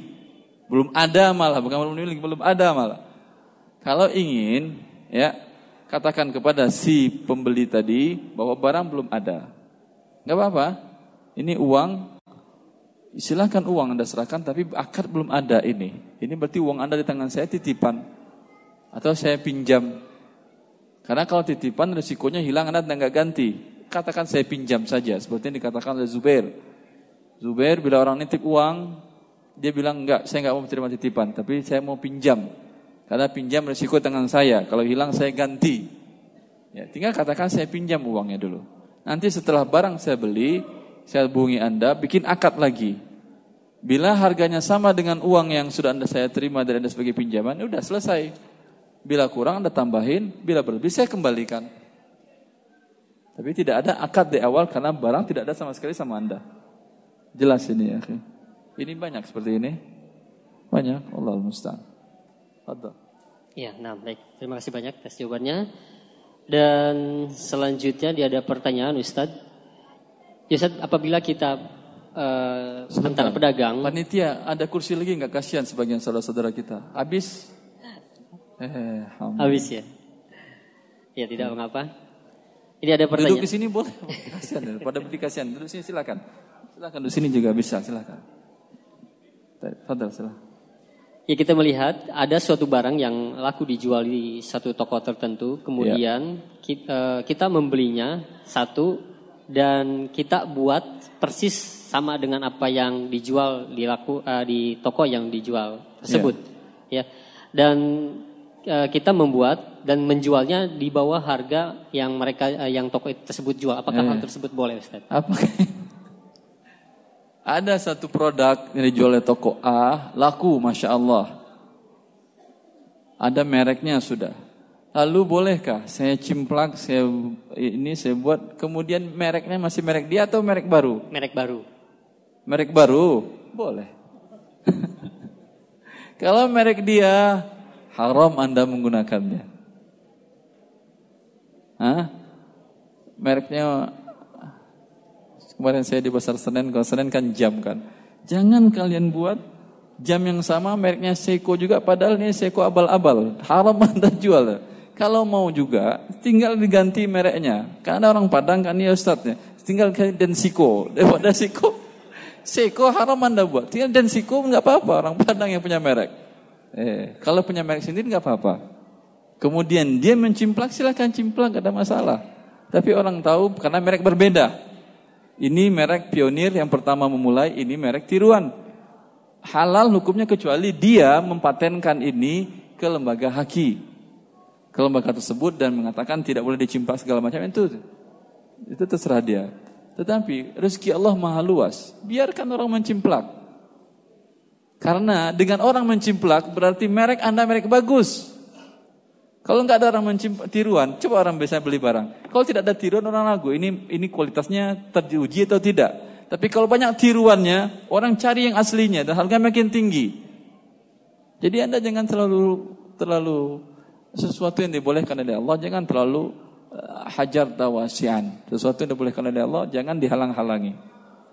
Ya, tapi kalau ingin juga menghalanginya, bikin uh, royal, uh, daftarkan brand Anda ke lembaga resmi. Sehingga bila ditiru hak Anda untuk me, e, menuntutnya. Tetapi yang niru tadi harus pintar dikit lah. Jangan mirip banget. Beda-beda dikit tampak luarnya yang jelas, brandnya berbeda sudah. Jelas. Allah barik Ya baik. Eh, dan selanjutnya ada pertanyaan. Yosat di dalam jual beli apakah diperbolehkan kita menetapkan atau e, menyatakan peraturan barang yang sudah beli dibeli tidak boleh ditukar. Barang sudah beli tidak boleh ditukar. Allah mustahil. Sudah beli tidak boleh ditukar. Ini kalau yang mengerti syariat Allah nggak perlu ini. Karena jual beli memang tidak boleh ditukar lagi. Syaratnya dengan akad diterima barang, keluar barang dari majlis, umpamanya majlisnya toko itu Abaya Syarifah, umpamanya. Beli dia di situ. Hah? Kemudian setelah beli dia akad, setelah akad sudah bayar, pergi dia duduk di majlis sini. Berpisah sudah majlisnya. Sekarang dia bilang, saya nggak jadi. Hak si penjual mengatakan tidak bisa. Kalau dia ingin batalkan jual beli yang tadi si penjual mengatakan udah nggak ada masalah bagi saya padahal secara syar'i nggak bisa karena emang akad mengikat Allah mengatakan ya ayyuhalladzina amanu aufu bil uqud wa orang beriman penuhi akad kalian kapan mengikatnya dengan setelah terima barang kemudian berpisah majelis tapi kalau masih berdiri di sana dia dilihat. Sudah terima sih tanda fakta serah terima sudah terima. Masih tapi masih di situ. Dilihat barang barang. Oh saya nggak jadilah. Haknya dia juga. Tidak boleh si, penjual marah-marah mengatakan gimana kamu gimana tidak boleh. Boleh dia untuk membatalkan jual belinya selagi masih di majlis. Berpisah majlis tidak bisa lagi kecuali ada cacat barang khiar aib namanya ada cacat barang sampai di kajian ternyata wah ternyata bajunya sempit atau ternyata bajunya ada yang sobek, ada yang robek, boleh dikembalikan lagi ini namanya khiar aib. Atau dari awal bilang saya beli tetapi beri saya hak khiar berpikir selama sehari. Besok kalau cocok saya pakai, kalau nggak cocok besok saya kembalikan nggak apa-apa ya. Oh nggak apa-apa silahkan tiga hari masih boleh juga kata dia. Boleh ini. Jelas? Tapi kalau tidak ada hak khiar, tidak cacat, sudah berpisah majelis, tidak kemudian ada khiar syarat, langsung menjadi lazim, mengikat. Ini dam, ini konsekuensinya apa? Untuk menjualkan kembali ya, akhi. Untuk menjualkan kembali. Saya sering mencontohkan umpamanya seseorang yang ingin beli rumah. A belum beli jual rumahnya. Lalu saya datang beli.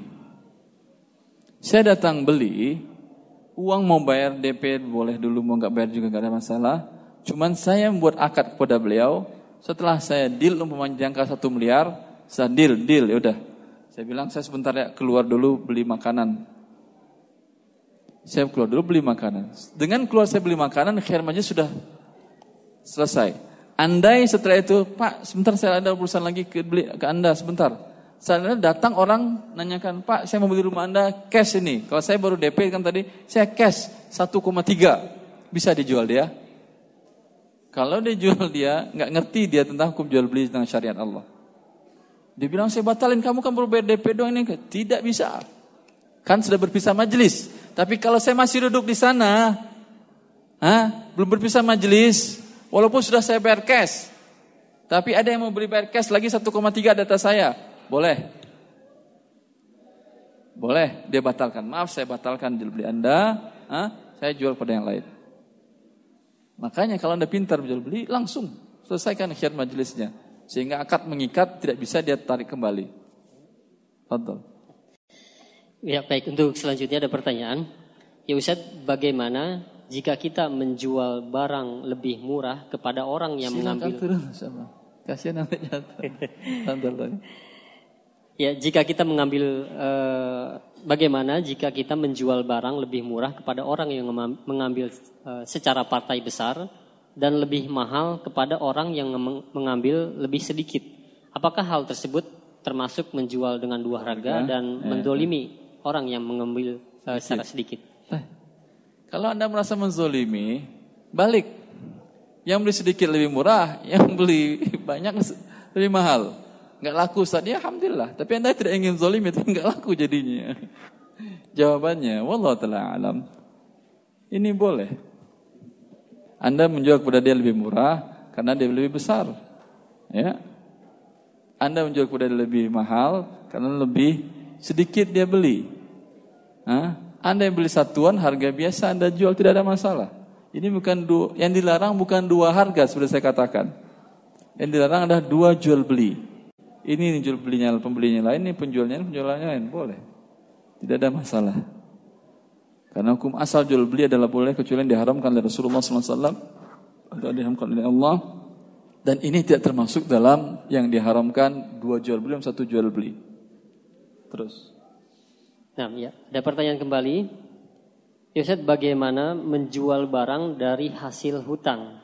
yaitu statusnya barang belum dibayar lunas, belum artinya belum dibayar secara keseluruhan, dan itu baru di DP eh, kepada supplier atau produsen. Eh, Masya Allah. Pertanyaannya bagus, tapi siapa yang bisa jawab?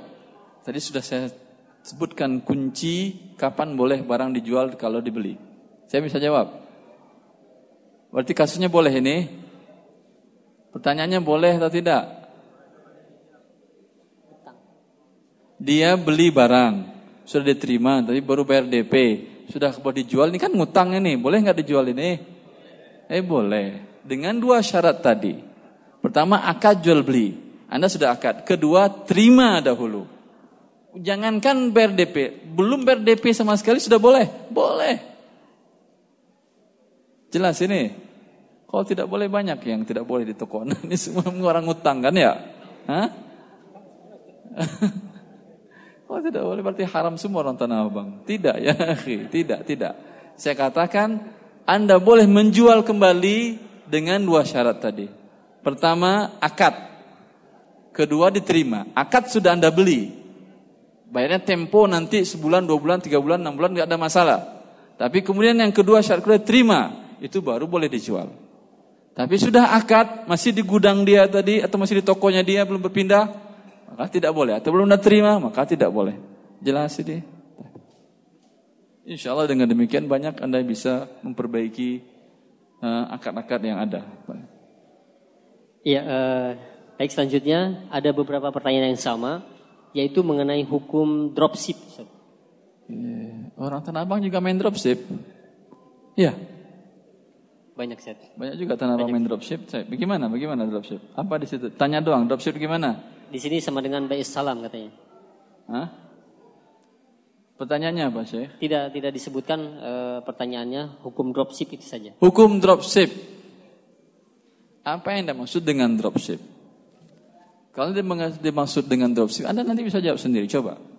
Yang biasanya dropship, ya, saya taruh letak barang foto dari barang tersebut di web saya. Ya. Tapi barang saya nggak punya. Saya tinggal foto-foto, foto-foto, foto, gambar baju segala macam, jam, ya, sehingga toko dia lebih lengkap daripada Tanah Abang. Apa yang ada di dunia ada di toko dia dia. Subhanallah ini gambarnya aja, tapi barangnya barang-barang orang. Tergantung akadnya dia dengan para pemilik-pemilik barang ini. Kalau pemilik-pemilik barang itu dia mengatakan saya bantu marketingkan, jualkan barang Anda. Hah? Saya taruh di web saya, di toko di toko di toko fitur apa virtual saya. Terus saya toko letak di toko virtual saya, berapa saya dapat fee dari Anda? Silahkan barang ini boleh. Ini bantu menjualkan barang boleh dapat fee. Ya. Tetapi persyaratannya boleh, saya dengan dia, pemilik produsen barang supplier tadi, bukan angka jual beli akad dia mewakilkan kepada saya. Ini beda ini. Kalau akadnya jual beli dia bilang, ya boleh saya kirim nanti kepada pembeli pelanggan Anda, tapi saya tidak akan kirim kecuali anda bayar cash dulu ke saya. Hah? Karena saya tidak percaya, tidak tahu, tidak tahu siapa Anda. Kalau dia mengatakan demikian, ini akadnya jual beli. Walaupun saya mengaku agen dia dan dia, saya setuju kamu menjadi agen saya, tapi setiap barang yang saya kirim kepada pelanggan Anda harus bayar dulu, baru saya kirim. Berarti akadnya antara saya, antara saya, toko virtual ini dengan pemilik barang jual beli. Dan belum saya beli tadi. Kan belum tadi akadnya ada kan ya untuk menjual dengan akad dan dengan terima barang. Saya kayak ini, saya beli belum lagi walaupun akad jual belinya sudah ada tapi barang belum saya terima, langsung dikirimkan dia ke pelanggan saya. Ini boleh berarti? Tidak. Ini tidak boleh. Kecuali yang tadi saya tolong jualkan, ya. Terus masalah uang, kalau uang kalau orang bayar saya bayarkan kepada anda. Oh nggak bisa. Kalau nggak bisa berarti jual beli. Bukan akad wakalan nggak bisa. Tapi kalau dia, oh udah saya percaya anda, toko anda toko terkenal dan terkenal uh, disiplin dalam pembayaran nggak ada masalah. Kapan-kapan anda bayar kita hitung per pekan atau per bulan nggak ada masalah. Ini boleh. Boleh saya menjualkan barangnya dia.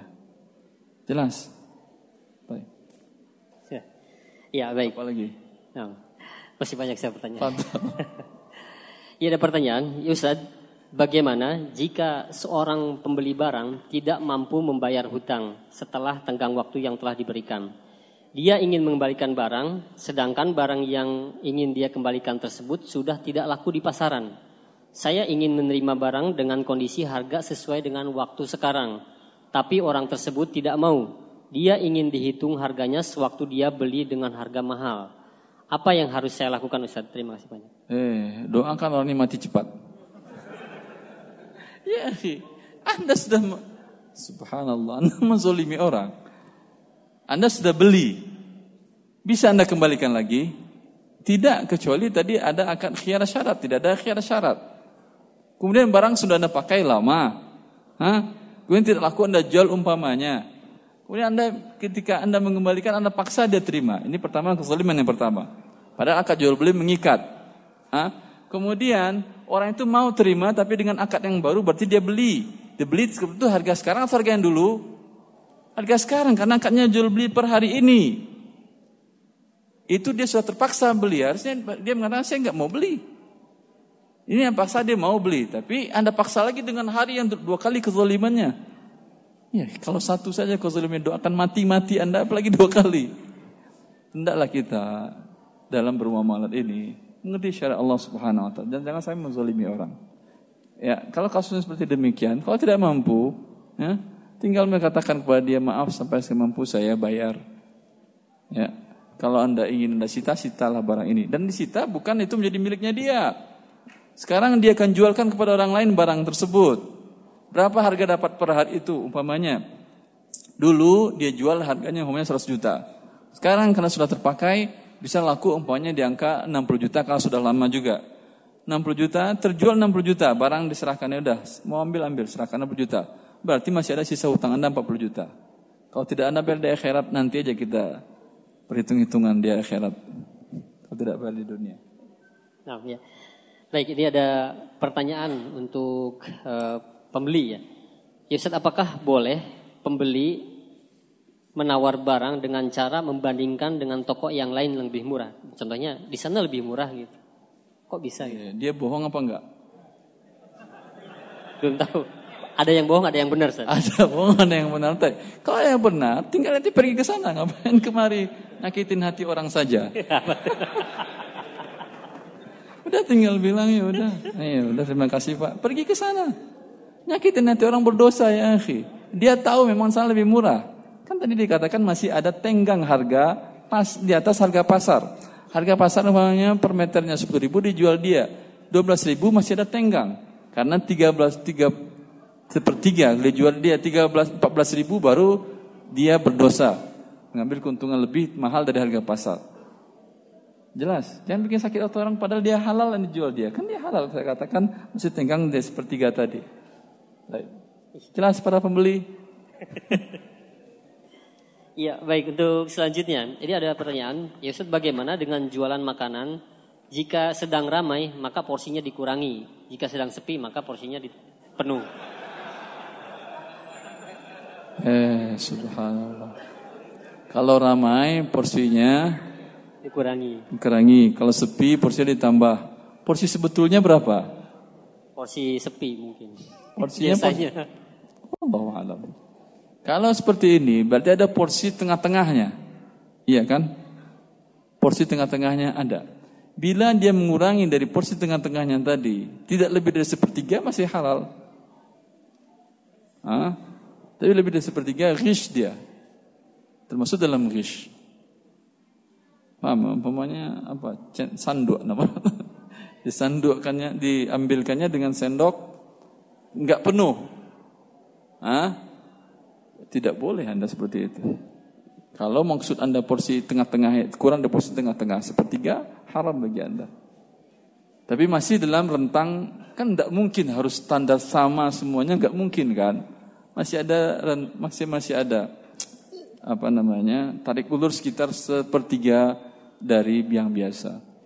Wallahu taala Ya, ya ada beberapa pertanyaan yang sama yaitu ya Ustaz apakah boleh kita menggunakan fasilitas umum yaitu artinya jalan kita gunakan untuk usaha eh, dan bayarnya ke siapa ini ke ke saya bayar iya. nggak pernah terima bayar Dan itu sudah dilegalkan oleh pihak yang berwenang. Pihak yang berwenang sudah merelakan. Iya. Di tapi, sini ditanyakan seperti tapi itu. Tapi pengguna pasar umum tidak merelakan ya. Umpamanya pasar umum seperti tempat pejalan kaki. itu trotoar, itu bukan hak pemerintah lagi. Karena sudah dibuat untuk itu tersebut. Maka bila ini ambil, Anda bayarnya bukan ke pemerintah, bukan ke preman, bukan ke haji apa, bukan ke apa, bukan. Bayar ke setiap orang yang mau jalan tadi. Bayar uang sewa. Uang sewa ini jalanan saya loh. Paham anda saya maksud? Paham yang saya maksud? Maka nggak mungkin. Walaupun sudah direlakan oleh Pak Meruna segala macam, karena ini basis umum. Kecuali dibuat oleh pemerintah, ini adalah tempat jualan. Lain lagi halnya. Wabillahi taufiq. Ya, ada pertanyaan kembali ini e, di pasar-pasar juga banyak dilaksanakan arisan Ustaz. Ini ada penjelasan sedikit. E, saya ikut arisan, nomor satu dipegang atau diambil oleh penyelenggara arisan. Anggota yang lain diundi. Administrasi buat anggota yang keluar namanya sebesar satu persen dari jumlah yang diterima. Jika anggota yang lain minta ke penyelenggara arisan untuk dikeluarkan namanya, kena administrasi 5% dari uang yang diterima. Bagaimana hukumnya Ustaz? Riba. Cukup. ya, akad arisan, akad pinjam meminjam. Siapa yang dapat, ini dia pinjam dari yang belum dapat. Hah? Dan salah seorang ulama mengatakan ketika ditanya tentang mukun, kalau di bahasa Arab nama jami'atul muwazzafin. Tentang hukum ini kata beliau, ini tolong menolong dalam kebaikan untuk mengumpulkan dana dengan cara yang halal. Bagus. Tetapi jangan ada sana unsur riba. Karena akad ini pinjam meminjam. Yang dapat minjam dari yang belum dapat. Kemudian nanti dia bayar dalam bentuk eh, harisan uh, keikutsertaan pembayaran harisan selanjutnya. Maka tidak boleh bertambah. Karena berarti yang nambah lima, yang berkurang 5% berarti dia terima sekian, dia bayar berlebih kepada penyelenggara yang dia juga adalah bagian dari yang ikut serta dalam akad arisan tadi. Maka ini adalah riba. Tapi kalau dia didahulukan gilirannya tanpa ada pertambahan, tanpa ada pengurangan haknya dia, maka boleh insya Allah taala wabillahi taufik. Ya, nah baik. Untuk selanjutnya ini ada pertanyaan dari seorang pegawai. Yusad, bagaimana hukum gaji yang saya terima? sebagai apa? Uh, hukum apa sih? Gaji yang saya terima. Ya. Saya karyawan bekerja di bagian umum, sedangkan keseharian saya banyak kosongnya, yaitu nganggurnya. Karena uh, bekerja hanya duduk saja. Kadang saya gunakan waktu untuk keperluan pribadi. Eh, banyak kosongnya. Berarti Anda digaji untuk kosong. Alhamdulillah ya, Ada orang yang mulia. Orang digaji untuk sibuk mengerjakan ah, pekerjaan yang diberikan oleh pemberi gaji kepada kepada orang tersebut. Anda tidak digaji untuk diam saja. Kosong, alhamdulillah. Ya, bila tujuan ini biasanya umpamanya pihak keamanan kali ya. Jadi bekerja untuk diam, untuk memperhatikan. Sebetulnya bukan diam, yang memperhatikan juga. Bolehkah waktu-waktu ini digunakan untuk untuk kegiatan pribadi seperti SMS, ah, WA dan lain-lain? Boleh, tapi izin dulu kepada yang mempekerjakan Anda. Boleh nggak saya gunakan waktu itu senggang untuk WA atau baca sampai pun baca Quran. Kalau diizinkan oleh dia nggak ada masalah. Karena bagaimana Anda pencuri sedang beraksi pada saat Anda sedang asik WA? Hah? Zolim Anda kepada pemberi gaji Anda ini tidak halal. Tapi kalau diizinkan dia, ternyata kecurian, dia bilang kan Anda mengizinkan saya WA di waktu senggang. Allah ibarat fiqh harus izin dulu kepada pemberi kerja Anda. Tapi secara secara moral kerja tidak ada hak Anda untuk menggunakan kesan pribadi tadi karena sudah digaji Anda untuk diam. Ya. Tapi kalau Anda gunakan dengan berzikir tidak ada masalah yang tidak mengganggu aktivitas untuk apa Anda digaji tadi. Wabillahi taufik.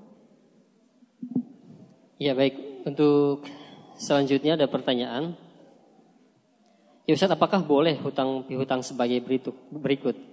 Kita meminjamkan emas dengan jaminan tanah yang boleh digarap dan hutang baru dapat dibayar setelah tempo 30 tahun. Kalau tidak boleh, bagaimana penyelesaian Ustaz mengingat hal tersebut sudah berlangsung selama 10 tahun? Eh, ini banyak di Sumatera Barat ini kan ya? Jawa Barat juga banyak, saya kira tempatnya juga banyak. Hah? Pinjam uang, ya Selagi uang atau emas belum dikembalikan, barang gadaian digunakan oleh si pemberi pinjaman. Ya. Ini yang riba. Ini dia riba. Kenapa? Karena tanpa pinjaman dia saya berikan pinjaman kepada beliau 10 juta. Hah? Dia berikan sawahnya sebagai jaminan. Dan sawahnya saya yang garap. Atau motornya sebagai jaminan. Motornya saya yang pakai. Saya rentalkan. Atau mobilnya saya pakai, saya rentalkan. Tanpa pinjaman 10 juta ini, mungkinkah dia menyerahkan sawahnya untuk saya pakai? Tidak. Kalau iya, nggak apa-apa. Biasa kok saya minjam sawah dia sekali, dua kali. Bisa kok motornya saya pakai dua bulan tanpa minta upah. Ah, mobilnya saya pakai minta upah. Biasa. Kalau biasa boleh. Tapi nggak mungkin dia menyerahkan barang-barang jadanya ini dan mengatakan saya, walaupun dia mengatakan saya ikhlas, saya redho. Eh, kalau gitu jadi halal kalau ikhlas redho? Tidak. Bukankah bank riba itu mengatakan ikhlas dan redo memberikan pinjaman riba kepada Anda? Dan Anda juga ikhlas dan redo bayar bunga ribanya. Ikhlas saya. Halal, tidak halal. Karena bukankah A dan B berzina juga saling redo? Jadi halal dia tidak. Bila Allah mengharamkan Anda redo tidak ada guna keredoan Anda. Allah yang marah dari awal. Hah? Maka ini adalah riba. Karena yang dibayarnya ketika dibayar dia 10 juta, dia bukan bayar 10 juta ke saya. 10 juta bertambah dengan sewa ini selama ini gratis. Anda saya pakai setahun, mobil sebulan berapa sewanya? Sampai 100 juta? 3 juta. 3 juta berarti 3 bulan lunas sudah hutang. Kembalikan mobil, ah, udah lunas hutang. Jelas? Apalagi tadi 30 tahun sawah tadi ya. Ini seharusnya yang minjamin uang dia yang berhutang sekarang. sewa sewa sawah tadi selama berapa waktu tadi. Maka perhitungkan. Sekarang kalau anda ingin islah, kalau ingin memperbaiki bertobat, biasanya Ustadz itu dulu dulu, dulu Ustadz kami enggak. Alhamdulillah kami enggak kami tahu. Tapi sekarang gimana penyelesaiannya? Penyelesaiannya adalah seperti yang saya katakan tadi. Yaitu perkirakan berapa bagi hasil sawah ini. Kan biasanya untuk pemilik berapa? Dua per tiga kan ya? Ya sepertiga untuk si pengelola. Ya, sepertiga untuk si pengelola. Dua per tiga yang milik anda ini kan diambil oleh pengelola juga kan ya? Berapa angka rupiahnya? Anggai dua per tiga tersebut selama ini sama dengan nilai hutang, habis hutangnya. Anda berlebih dari nilai hutang, minta kembaliannya dan wajib dikembalikan dalam kalau tidak jadi riba dia. Kalau kurang tinggal tambah atau pakai lagi sekali lagi. Umpamanya tinggal kurang sekali lagi, udah pakai sekali lagi, insya Allah lunas hutang. Jelas?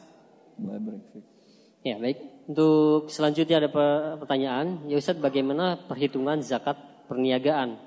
Apakah dihitung berdasarkan total aset ataukah keuntungannya saja? Eh, Alhamdulillah ada yang bertanya tentang zakat. Saya khawatir nggak ada yang bertanya karena ini bisa merugikan. Tidak, zakat tidak merugikan Anda. Zakat akan bersihkan harta anda dan akan menumbuhkan harta anda. Allah yang merugi, yang dirugikan, yang dihancurkan oleh Allah adalah, adalah riba. Zakat ditumbuh kembangkan oleh Allah harta anda. Yamhaqullahu riba wa yurbis sadaqat. Allah hancurkan riba, Allah habiskan harta riba, adapun harta yang dizakatkan kata Allah Subhanahu wa taala tumbuh kembangkan. Lihat cara berfikir Anda perbaiki sesuaikan dengan ketentuan Allah. Allah mengatakan, dalam rasio Anda saya pinjamkan uang 10 juta. Nanti saya minta kembalian setelah dipakai di 6 bulan 12 juta. Nah, ini dalam rasio Anda nominalnya bertambah atau berkurang? Bertambah 2 juta kan ya? Tapi kata Allah, Allah hancurkan itu. Allah habiskan. Jangankan 2 jutanya, harta 10 juta pun habis. Ini kata Allah. Tapi kalau Anda bersedekah, ah, harta Anda terima umpamanya gaji atau uang atau hasil apa 10 juta. Anda sedekahkan 2 juta. Berkurang atau Anda bertambah? rasio-rasionya bertambah atau berkurang? Berkurang, tapi kata Allah, yurbi, bertambah kata Allah Subhanahu wa taala. Sekarang siapa yang betul? Anda atau Allah? Pasti Allah. Pasti Allah. Dan lihatlah oleh Anda, krisis demi krisis, para ekonom barat yang kafir itu mereka tahu dan tahu bahwa menyebabkan krisis ekonomi, inflasi segala macam dari zaman dahulu sampai sekarang adalah riba. Sampai para ekonom itu mengatakan tidak akan pernah selesai urusan inflasi ekonomi ini, kemudian krisis ekonomi kecuali orang-orang meninggalkan riba dan tidak ada riba. Itu mungkin. Ketika masih ada riba, maka tidak akan mungkin dunia terlepas dari krisis. Ya. Pertanyaannya apa tadi? Lupa saya. Mengenai perhitungan zakat. zakat. Maka Anda keluarkan zakat Anda, sesungguhnya Anda sedang mengembangkan harta Anda harta Anda menjadi berkah, kemudian akan berkembang, pasti akan berkembang. Kata Allah, Allah berkitang, Allah tumbuhkan, pasti akan Allah tumbuhkan. Maka zakat perniagaan, ya, apakah dari aset, aset atau, atau keuntungannya saja? Keuntungannya saja. Saya berikan contoh cara menghitung zakat. Untuk kontrak ruko berapa setahun 200 juta umpamanya ya. 200 umpamanya, 200. Kemudian untuk uh, desain interior umpamanya berapa? 10 210 modal. Untuk barang diperjualbelikan berapa biasanya? Berapa angkanya kira-kira? 100. Hah? 100 juta. Ya. Yang sekarang mana yang akan dizakatkan? Dari modal 210 ditambah 100 310 kah seluruhnya atau yang mana? Tidak. Yang 210 tidak. Karena ini bukan barang yang diperjualbelikan. Barang diperjualbelikan berapa tadi asetnya cuman? 100. 100 ini dia akan bertambah, akan bertambah, akan bertambah sampai akhir tahun. Mungkin angkanya bisa sampai 100, bisa sampai 500. Apakah Anda zakatkan dari 100 saja atau dari 500 kah atau dari 400-nya saja keuntungannya saja? 500-nya. Eh, eh, kemarin saya di Surabaya ada salah seorang ibu-ibu yang bertanya dia pengusaha catering, termasuk catering besar di Surabaya. Dia bilang, Ustaz, saya ada angka ini, ya apa ibu? Ini apa ibu? Ini berapa? 40 miliar. Ini apa 40 miliar? Ini aset yang saya putar setahun, 40 miliar. Ini ini 10 miliar keuntungan saja Ustaz. Yang saya zakatkan dari 10 miliar kah atau dari 40 miliar? Dari 50 miliar ibu. Bukan dari 10 miliar, 40 miliar. Karena semuanya jual beli. Semuanya perniagaan. Jelas ini, sampai dia nisab semuanya perniagaan.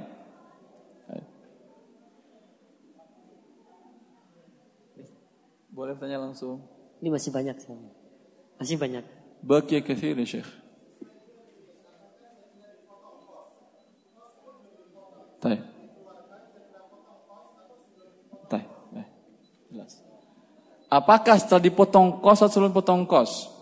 yang dihitung adalah berapa uang akhir Anda di akhir tahun wajib haul. Beginilah saya jelaskan masalah zakat secara ringkas ya. Saya tadi saya tadi punya modal 200 juta kontrak, 10 juta desain interior, kemudian 100 juta adalah barang yang jual belikan. Saya mulai usaha satu Ramadan. Sekarang barang saya yang saya jual belikan ini, harta zakat ini sampai satu nisab, sampai satu nisab atau tidak? Sampai kalau nisab cuma 45. Kecuali kalau barang yang saya jualkan desain interior dengan kontraknya umpamanya 500 juta. Tapi barang yang saya jual belikan hanya di angka 40 juta. Masih kurang 85 gram emas. Sampai nisab belum. Ada kewajiban zakat? Tidak. Modal 500 juta Ustaz. Walau modal 500 juta. Karena barang yang dikenakan zakat hanya barang yang Anda putar ini. Jelas. Sekarang anggap tadi sudah sampai nisab 100 juta. Diputar 100 juta sampai nisab. Dan selama rentang tahun dari awal tahun sampai akhir Ramadan ke depannya, mulai dari anggap satu Ramadan, Ramadan tahun depannya, ha, masih tidak pernah turun dari 43 juta modal Anda yang diputar tadi. Sekarang wajib zakat. Kalau turun, lah Allah rugi di, di, di tengah tahun, tinggal dihitung modal ketika bulan ke-7 umpamanya, cuma tinggal angka 30 juta. Sampai nisab tidak. Wajib zakat? Tidak. Hitung lagi kapan mulai dia naik sampai nisab. Karena ada bisnis terus. Bulan ke-8 Alhamdulillah sampai angka 60 barang dijual belikan. Sampai nisab? Sampai nisab. Ini hitung pegang haul lagi. Yang tadi batal sudah. Jelas. Yang tadi batal sudah. Karena kurang selesai nisab. Kemudian ini sampai terus dan tidak turun-turun dari sampai nisab sampai akhir tahun. Alhamdulillah sekarang akan dikeluarkan ini yang dikeluar dihitung barang tadi, kan selama setahun nggak digaji pegawainya. Digaji kan pegawainya. Buat biaya hidup Anda dipakai, dipakai, sudah. Ini yang dihitung adalah pada hari itu ini sudah bersih. Barang yang belum ada hutang, kan barang kan utang sebagian kan ya. Kalau barang yang ngutang ya, kalau tidak Anda bayarkan akan mengurangi tidak akan mengurangi nisab. Tapi kalau Anda bayarkan berkurang dia. Paham? Umpamanya ini tadi angka 100 juta. Bayarkan hutang umpamanya ada hutang sekitar 70. Ah, ini uang cash 70 atau ini berbentuk barang atau apa pun namanya Anda bayarkan sehingga berkurang aset Anda, berkurang nisab tidak ada wajibkan zakat. Tapi masih dalam bentuk barang Anda kan Anda sudah beli. Bukan nitip, kecuali yang nitip jangan hitung zakatnya, biar dia ngitung. Tapi kalau dengan akad beli kan berpindah kepemilikan yang pada Anda, risiko di tangan Anda. Paham? Dengan demikian hitung barang yang ada, lihat cash yang ada uang cash, ah, semuanya dikeluarkan zakatnya. Itu tentu setelah dibayar gaji-gaji pegawai. Enggak mungkin setahun nggak anda bayar gaji pegawai. Jelas ini? Nah, tadi. Ustaz, dia masih berbentuk barang Ustaz. Boleh anda keluarkan barang dalam bentuk zakat dalam perniagaan. Tapi sebaiknya adalah uang. Tapi kalau anda ingin keluarkan barang, repot Ustaz menjualinnya. Ya udah, keluarkan barang tadi, tapi akan repot anda dengan membagi persennya. Dua setengah persen ada baju lebih satu. Gimana? Beli potek. Maka sebaiknya dalam bentuk uang. Allah barik Ya mungkin uh, tadi dibicarakan ada yang mau bertanya langsung. Silahkan. Assalamualaikum. Assalamualaikum warahmatullahi wabarakatuh. Ustaz, uh, ya. uang yang saya putarkan, ya. buat semuanya kan hitung zakat. Kenapa Pak? Uang yang saya putarkan? Iya, semua aset sama apa modal-modal saya semua kan buat nanti jualkan zakat. Modal-modal semua dikeluarkan zakat? Iya. Setelah uh, uh, sampai waktunya, kita kan keluarkan zakat semuanya. Uh, apa yang maksud, maksud Bapak dengan aset itu? Uang. Uang saja. Oh, bukan aset ya, maaf. Uang, uang. Uang saja. Ah, uang. Punya Jadi uang ini Sebentar, kalau punya ruko Enggak, enggak ruko. Enggak, uang, ruko, uang okay. saja. Asal saja. Uang saja. Sekarang saya pergunakan uang ini buat renovasi rumah. Buat rumah ini buat uh, rumah produksi saya. Ya. Apakah nanti saya keluarkan juga zakatnya nanti Ustaz? Eh. Uang kemudian dikeluarkan untuk produk, rumah produksi, bikin ya. rumah, beli tanah segala macam. Bukan. bukan. Rumah Hanya produksi saja. Rumah produksi, rumah buat tempat dia kerja kerja. Tempat bekerja, dibuat hmm. itu. Hmm. Iya. Ini sekarang rumahnya mau dijual atau tidak? Tidak. Tidak. Berarti bukan harta perniagaan dan tidak ada zakat rumah. Jelas? Tapi kalau umpamanya rumah produksi ini memang dibuat tapi siapa yang mau beli silakan beli. Angkanya disetujui berarti ini barang dagangan. Tapi kalau hanya untuk sebagai rumah produksi tidak ada zakatnya. Kalau gitu bisa dong Ustaz orang lagi dari zakat setiap punya uang sampai nisab beli tanah. Hah? Beli rumah lagi, beli apartemen. Ya silahkan. Silahkan. Asalkan jangan niatnya lari dari zakat. Dia ingin prestasi yang lain boleh. Kecuali kalau dia niatkan apartemen itu apa gunanya untuk tempati? Tidak. Tapi kalau ada yang beli harganya sudah naik, saya jual. Hah? Ini berarti masuk barang dagangan. Kena zakat. Jelas? Allah barik. Terima kasih. Allah salam. Ya, ada lagi ya kita akan berikan kesempatan. Assalamualaikum. Assalamualaikum warahmatullahi wabarakatuh. Ustaz, saya mau tanya. Iya, Pak. Kita ini kan pedagang. Iya, Pak. Jadi dalam transaksi itu ada orang belanja tuh pakai giro. Pakai giro. Seandainya gitu. Eh. Sedangkan giro itu nantinya dijual dengan orang. Sebentar, sebentar. Giro ini kapan bisa dicairkan? Misalkan sebulan jangka waktunya. Sebulan jangka waktunya. Ke ke B gitu. Sedangkan B ini ditukarnya dengan orang tukar dengan orang. Iya, itu kan kena bunga itu. Sebentar, angka gironya umpamanya 100 juta. Iya. Cair sebulan lagi. Iya. Tukar ke orang bisa dapat berapa? 9 Enggak, yang nerima itu ditukar dengan orang lain. Apakah kita ini kena juga gitu? Seandainya gini. Saya orang belanja dengan saya misalkan. Orang A. belanja ke Anda. Ya. Ya, pakai giro. Ya, giro. Satu bulan cair. Nah, sudah tuh saya bikin dengan orang produksi. Saya kasih Anda giro. bayar lagi ke dia dengan itu. Ya, yang Dihitungnya sama uangnya atau berkurang? Sama. Gironya sama. Eh. Jadi yang produksi tadi dijualnya dengan orang yang beli gitu. Gimana itu hukumnya? Jual giro gitu. Sebentar, sebentar. Saya berusaha memahami. Anda jual dan orang bayar pakai giro. Ya.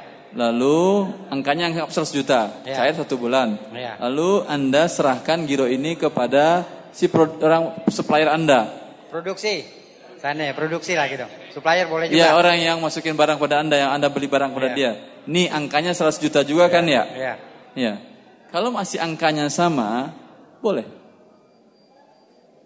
Kalau angkanya masih sama, boleh. Tapi kalau angkanya tidak sama, karena umpamanya dia ingin uang tunai, silahkan nggak masalah bagi saya 98 silahkan. Ini menjadi tidak boleh dia tukar menukar yang tidak tunai. Kalau umpamanya angkanya sama, boleh. Tapi kalau angkanya tidak sama, dia bilang oh nggak bisa. Ini sebulan lagi saya maunya cash. Kalau sebulan lagi berarti saya anggap 98 ya. Ini tidak boleh. Berarti ini ada riba pertam- kurang berlebihan sebanyak 2 juta jadi riba fadal. Berarti ini nominalnya pasti berkurang. Hah? Nominalnya pasti berkurang. Sebabnya gironya ditukar lagi gitu. Pasti minta potongan gitu. Iya kalau dia tunggu sebulan kan nggak bakal berkurang. Ya. Iya, Anda sekarang nggak berdosa dengan dia, tapi kalau dia dia ingin cash, tentu dia dapat 98. Dia yang berdosa, Anda tidak. Enggak kita kan? Enggak masalah kan? Anda tidak masalah, dia yang bermasalah. Oh, itu yang saya tanya. Iya, kalau dia ingin cash, dia tukarkan, dia bermasalah. Bilang kepada dia, jangan mau jadi masalah kamu. Tunggu aja sebulan. Baik. Eh, makasih Ustaz. Allah barik fiik. Itu umumnya seperti itu Pak ya jual belinya. Ya. Sama dengan KPR yang biasanya sering orang tanyakan. Hah? Haknya dia. Dia maunya cash. Kata dia, saya jual kepada anda dengan uang tunai. Saya nggak mau giro. Haknya dia. Iya harus dipenuhi. Berarti akad jual belinya dengan uang tunai, bukan dengan giro. Allah taala. Tapi dia nggak mau rupiah, dia mau dolar. Oh, ini nggak bisa, bisa ditangkap dia, tinggal adukan ke polisi. Karena rupiah adalah uang alat tukar yang sah di Indonesia. Ada lagi pertanyaan? Yang langsung ada, yang ini masih Banyak banyak. ini. Enggak, nanti kita akan ke sini ya. Balik kembali. Iya, ini ada pertanyaan. Ya Ustaz, saya menjual barang kepada perusahaan-perusahaan. Menjual? Menjual barang Ya, kepada perusahaan-perusahaan. Ya. Setiap saya menjual barang, maka berhasil menjual, maka saya kasih kupon eh, yang bisa ditukarkan dengan souvenir dan lain-lain dengan tujuan agar customer tidak pergi eh, ke pem- ke penjual ke pembeli yang lain, maksudnya ke penjual yang lain. ya, ya. Tanyaannya, Ya itu. bolehkah atau tidak? Bolehkah seperti itu? Eh. Souvenirnya agak angka berapa harganya ini? 10 ribu cuman tetap pindah dia ya seluruh. Kalau mau kasih uang cash yang lebih besar atau potong, beri diskon lebih murah sehingga dia nggak pergi ke mana-mana. Ya ini boleh, nggak ada masalah. Berarti dia mengurangi, dia tadi mengatakan harga sekian lalu ditambahkannya dia barang. Barang ini namanya hadiah, murni hadiah. Hukum asalnya boleh tahadu tahabu kata Rasulullah SAW. Iya. Ya. Iya. Ya. Ya. Harga barang seribu kopi. Oh ini enggak hadiah namanya undian. Mungkin dapat, mungkin tidak. Kalau ini enggak, setiap yang belanja dikasih hadiah. Lain kasusnya. Ini setiap yang belanja belum tentu dapat motor atau pasti dapat motor. Saya beli kopi 500 kali gitu sudah dapat motor 500. Tidak kan? Kalau undian, hah? Dilihat. Berarti si pabrik kopi ini sekarang ada program undian motor. Ya. Dan si pembeli akan mengharapkan ketika membeli dapat undian motor. Tapi mungkinkah dapat? Mungkin iya, mungkin tidak. Kalaulah harga kopi ini ada program undian motor, tidak ada undian program motor sama. Hah? Sama. Berarti ini murni hadiah. Tapi kalau harganya ketika ada undian motor harga lebih naik. Terkadang kan ada di sebagian produsen, bagian baik jas atau toko-toko segala macam.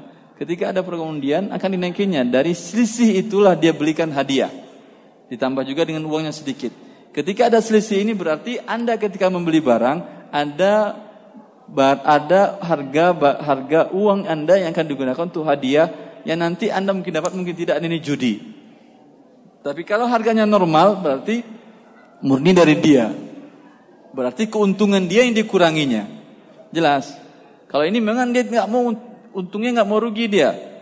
Tetap labanya sekian. Tetapi anda yang rugi itu dengan cara membayar ditambahkannya harganya. Jelas? Ya Allah ya. Ya kita mempunyai waktu tinggal sedikit lagi ya. Jadi tidak mungkin mengangkat pertanyaan secara seluruhan. Ini ada pertanyaan Halo. Ya, Ustaz. Iya, Assalamualaikum. Oh, ada di bagian Iya. tempat ya. Ya mohon maaf, silakan. Assalamualaikum warahmatullahi wabarakatuh. Saya mau, ya, saya mau bertanya Ustadz, bagaimana hukumnya menjual pakaian wanita yang gamis, tapi ada payet-payetnya gitu. Terus udah gitu kalau terus sama kebaya kayak gitu-gitu gimana hukumnya? Tapi eh, kita jualnya sama orang-orang yang memang dia tidak memakai baju syar'i gitu Ustadz. Itu gimana hukumnya? Terima Eh. syukran. Karena dia tidak pakai baju syar'i maka kita jual yang tidak syar'i juga kepada dia. Begitu Ibu. Kalau Anda Anda pakai baju syar'i jangan ini pilih ya. Ini khusus tidak pakai baju syar'i. Ya, sih bisa mungkin wallah taala alam. Memang wanita adalah perhiasan. Tapi bila perhiasan fayat-fayat di tempat yang tertutup oleh kerudung tidak ada masalah.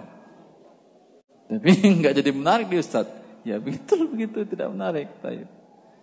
Ya, beda mungkin adat istiadat di sebagian negara seperti di Arab Saudi itu pakaian dalam wanita itu pakaian wanita yang biasa dipakainya itu buat bukan buatan model-model dari Prancis kebanyakan tahu sendiri itu bagaimana tapi di luarnya dia pakai abaya ditutup semuanya jadi di dalam bebas. Jadi di sana bebas jual pakaian apa pun juga karena dia ditutup tapi di Indonesia Allah taala alam di mana terbuka pakaiannya memang itu pakaian luarnya ya. Dan ini seperti yang tadi katakan tidak syar'i karena ibu mengakui tidak syar'i kan? Dan dijual kepada yang belum syar'i. Sebaiknya dihentikan ibu. Atau ah, katakan kepada dia saya jual kepada kamu tapi tolong pakai abaya di luarnya ya kalau enggak saya jadi enggak halal jual kepada kamu Baik. Sudah ada lagi? Ada lagi ya? Silakan. Assalamualaikum warahmatullahi Salam warahmatullahi wabarakatuh. Eh, Pak Ustadz, eh, di toko saya itu menggunakan mesin edisi perbankan. Iya. Dan jika setiap ada transaksi, dikenakan biaya tran- eh, administrasi 2%. Eh, jadi dipotong. Nah, apakah Yang itu dipotong tokonya atau apa? toko, eh, tokonya? Jadi semisalnya ada transaksi eh, 100 ribu, berarti saya berkurang 2 ribu. Eh, Ibu setuju? Ya memang sudah aturannya. Kalau enggak nggak boleh pakai mesin edisi tersebut, Pak Ustadz. Iya. Terus pertanyaannya apa? Apakah itu diperbolehkan? Saya tetap memakai mesin Ya, edisi Mesin tersebut edisi ini di bank yang riba atau bukan? Di mesin bank ribawi. Eh, tah. Mesinnya halal tapi buka rekening bank ribawinya haram. Kan ketika buka rekening di bank riba ada bi- bisa solusinya mudah insyaallah taala. Ketika buka rekeningnya kan Anda harus untuk mesin edisi tadi harus buka rekeningnya kan ya. Di perjanji di eh, di klausul yang Anda tanda tanganin bahwa Anda akan diberikan bunga oleh bank konvensional tadi. Ya, Anda akan diberikan riba. Setuju? Tidak setuju. Tapi kenapa Anda tanda tanganin? Kalau tidak setuju tidak jadi nasabah dia nggak dapat mesin DC. Berarti Anda setuju. Tinggal masalahnya ini saja. Minta dia saya coret, mohon coret yang ini. Hah? Bisa atau tidak Ustaz? Bisa. Dari semenjak saya pulang tahun 2012 saya usulkan kepada sebagian orang waktu itu di kota Lombok dia seorang developer besar di sana tapi mesti berhubungan dengan bank konvensional. Saya bilang tinggal minta itu dihilangkan. Berarti anda tidak mendapatkan bunga.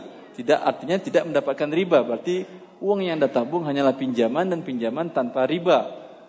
Hah? pinjaman tanpa riba boleh walaupun ke bank konvensional boleh. Karena akad pinjam meminjam akad yang dibolehkan dalam syariat Islam. Walaupun dengan non muslim walaupun dengan orang yang berbuat riba tapi dengan anda tidak riba. Lalu setelah itu dia telepon Ustaz Alhamdulillah bank A B itu nggak bisa Ustaz. Tapi bank yang C ini Alhamdulillah bisa Ustaz kata dia. Bisa dihilang dihapuskan itu. Dengan demikian semua jasanya dia edisi jadi boleh. Baru sekitar sebulan yang lalu ada pengusaha juga di, di- di dekat tempat tinggal saya di Cibubur itu yang dia juga pakai mesin edisi saya sampaikan hal tersebut Lalu kata dia, nggak bisa Ustaz.